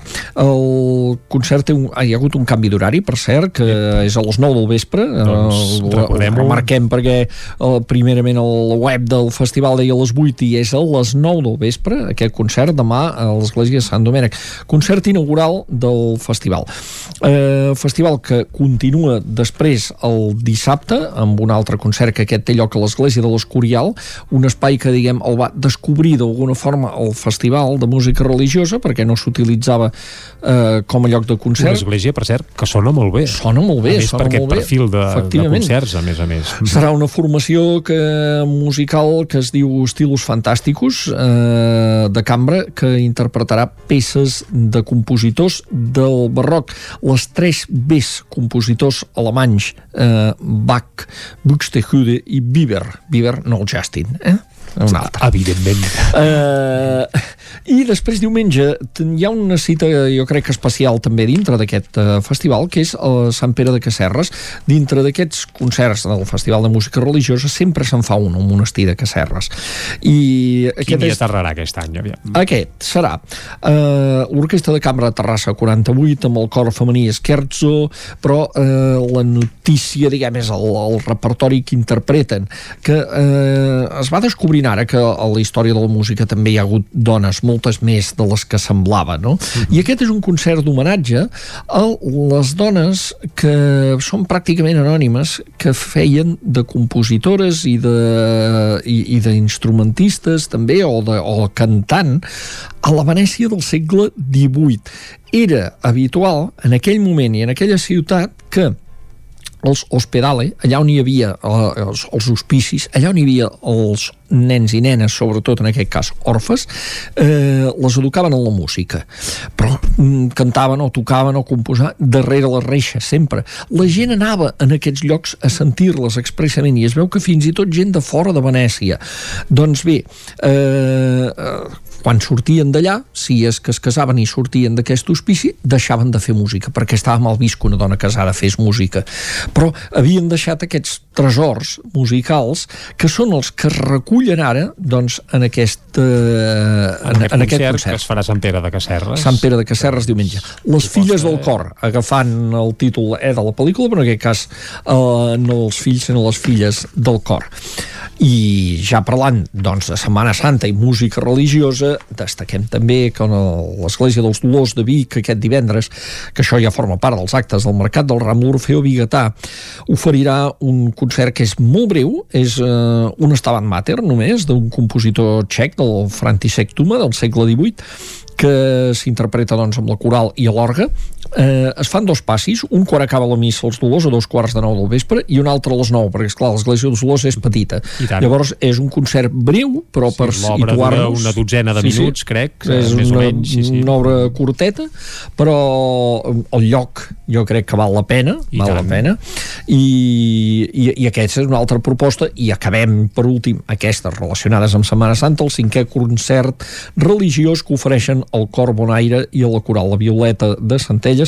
En aquest cas serà el diumenge al dos quarts de set de la tarda a l'Ermita de Lourdes de Tona, amb, amb Pep Cerdà a l'Orga, el cinquena edició del concert religiós, música religiosa, per tant. Molt bé, doncs uh, ja tenim fet un cop d'ull a tots els concerts mm. relacionats amb aquest cicle de Exactament. música religiosa que arrenca aquest dijous a Vic, també amb, ara... un, amb un petit apunt a Sant Pere de Casserres, però hi ha més activitat, eh, Jordi, hi ha més coses, setmana. Hi ha més coses, per exemple, sense anar més lluny, doncs aquest dijous a la Jascava tornen els Nucli Trio, aquest trio que va convidant diferents eh, instrumentistes, grups, etc a tocar amb ells i que en aquest cas aquesta setmana conviden els tres tristes tigres, s'ha de dir com, compte perquè això és un embarbussament eh, que són un projecte que neix de trobades de tres músics del Vallès, en Pol Pedrós, en Francesc Vidal i l'Aleix Forts, eh, trompeta, saxo, contrabaix. Amb, amb arrels a Osona, eh? Amb arrels a Osona, esclar. Sovint, bé, sí, sí, sí. sí i, i, i, el, I actuaran doncs, amb els Nucli Trio, per tant seran sis músics en escena a la Jascava en un concert que tindrà lloc aquest dijous a les 9 del vespre. Però a la Jascava potser el que hauríem de destacar més del cap de setmana és l'endemà, el divendres a les 10 de la nit, que és l'estrena del nou disc de la Carla, que està sonant. Desire, Desig. Aquesta és una de les peces que hi ha al nou disc de la Carla Serrat, més coneguda quan es posa a cantar amb Carla a seques. A seques.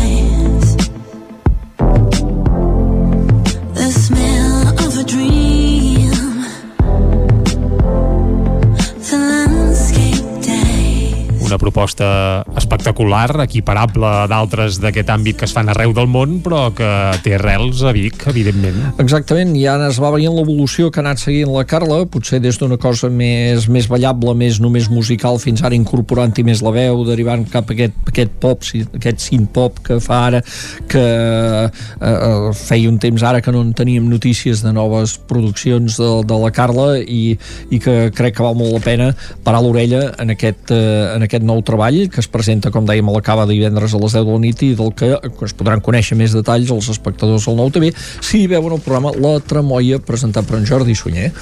Això avui al vespre, sí, sí. avui al vespre, que tindrà la Carla com a convidada eh, especial, en aquest mm -hmm. cas.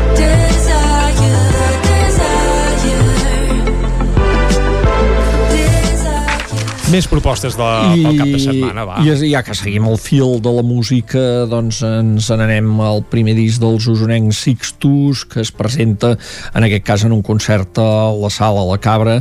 Serà el dissabte, en horari ja de concerts doncs, mm. postpandèmics, és a dir, més o menys a les 11 de la nit, sobre portes mitja hora abans, i els Sixtus eh, presenten aquest disc que es diu Ja s'hi val, eh? una expressió així molt nostra, més sí, tant, a més, molt, genuí, molt genuïna. Un disc, per cert, que ja s'havia de presentar al gener a la sí, Cabra arbre, però sí, clar, sí. pandèmicament estàvem on estàvem i es va haver d'ajornar. Sí, Estava sí. prevista la presentació el dia 22 de gener, es va haver d'ajornar i els Sixtus, que potser alguns identificaran també com un grup de versions, sí, en aquest cas... van començar com a grup de versions. Sí. Doncs en aquest cas fan un pas més enllà i aquí ja és un disc que hi tenim eh, temes propis, o sigui, els Sixtus van fent la, la seva evolució com a grup. Eh, de fet, la, la portada fins i tot fa una mica de referència potència del disc aquest canvi, doncs, que la transformació d'una eruga a una papallona, eh, de grup de versions a grup de temes propis, eh, després de 8 anys de trajectòria, fent, fent versions, fent covers, eh, trepitjant molts escenaris de tot arreu i festes majors, i etc etc doncs fan aquest disc que ha produït eh, l'Arnau Timir eh, i el Noques Grasses, Noques Grasses eh, amb un estudi de Taradell. Eh, per tant, doncs, un, un, per cert, un disc que s'ha anat gestant gairebé durant tots aquests anys de pandèmia, del que ja se'n parlava doncs, gairebé abans de que entréssim en aquest període tan estrany, i, però, però allò que passa, eh, que també durant aquest temps hi ha hagut temps per madurar projectes, per acabar de fer cançons, per treure treballs que segurament surten amb molta més cura i també s'han anat, anat fent a foc lent, no? Doncs Goita, sigues lliure és una de les peces que segurament sonarà a la Cabra de Vic aquest cap de setmana. Ja em sent la pols a cada passa hem vist el sol refugiar-se rere el far. L'hem vist sortir la matinada sota l'aigua amb la promesa de que allò no acabés mai no acabés mai. Vam treure les ales una tarda vam sentir que érem més... Vinga, festa i alegria. Amb Festa, els Sixtos. alegria, no? Aquesta sona, ja ens veiem en algun festival d'estiu amb aquesta I tant. cançó dels Sixtos, eh? Sigues lliure, home. Uh, I sigues lliure, és una cosa que em sembla que ara en tenim moltes ganes tots. Uh, continuem amb la música i ara sí que anem una cosa molt entranyable, eh? ara toquem el cor de tota una generació, o de diverses generacions, perquè el diumenge a les 6 de la tarda l'Auditori Teatre de Call d'Atenes acull un dels concerts de comiat, l'únic que es fa a Osona, dels Falsterbo. I el títol de la gira que estan fent ja ho diu tot. Adeu, Paf. Adeu al grup, però adeu eh, a partir d'aquesta cançó que els ha fet, eh, en fi, immortals, el Paf.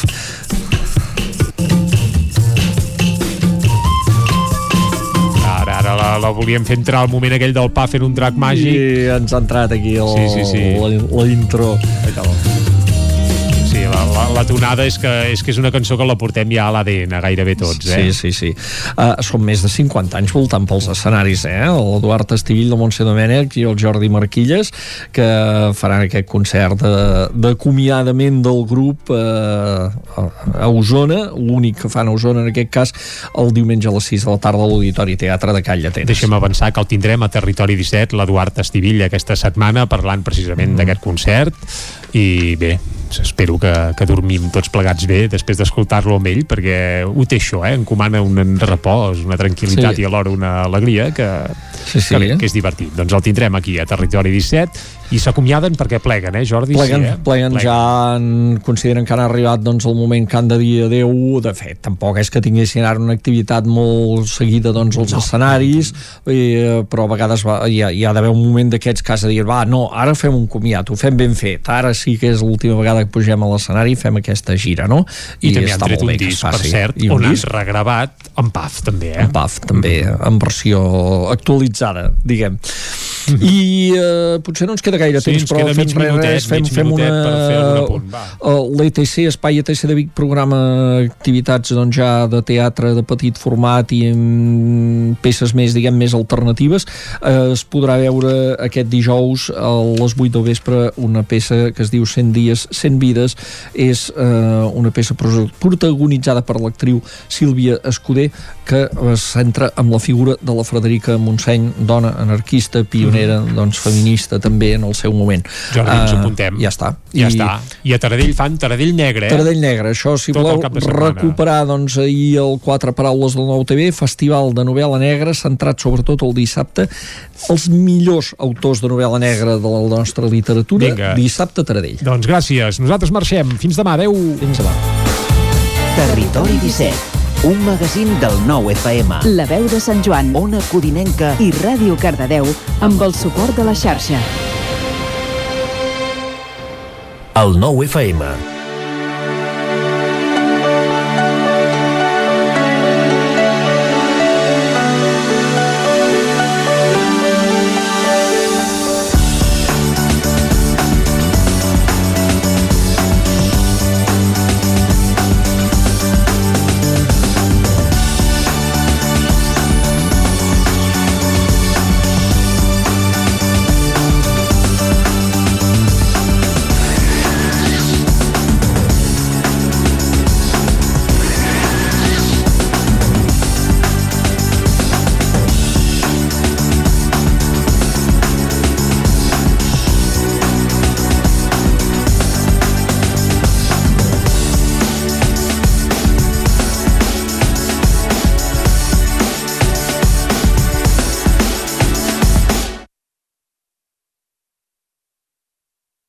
El nou FM, la ràdio d'Osona.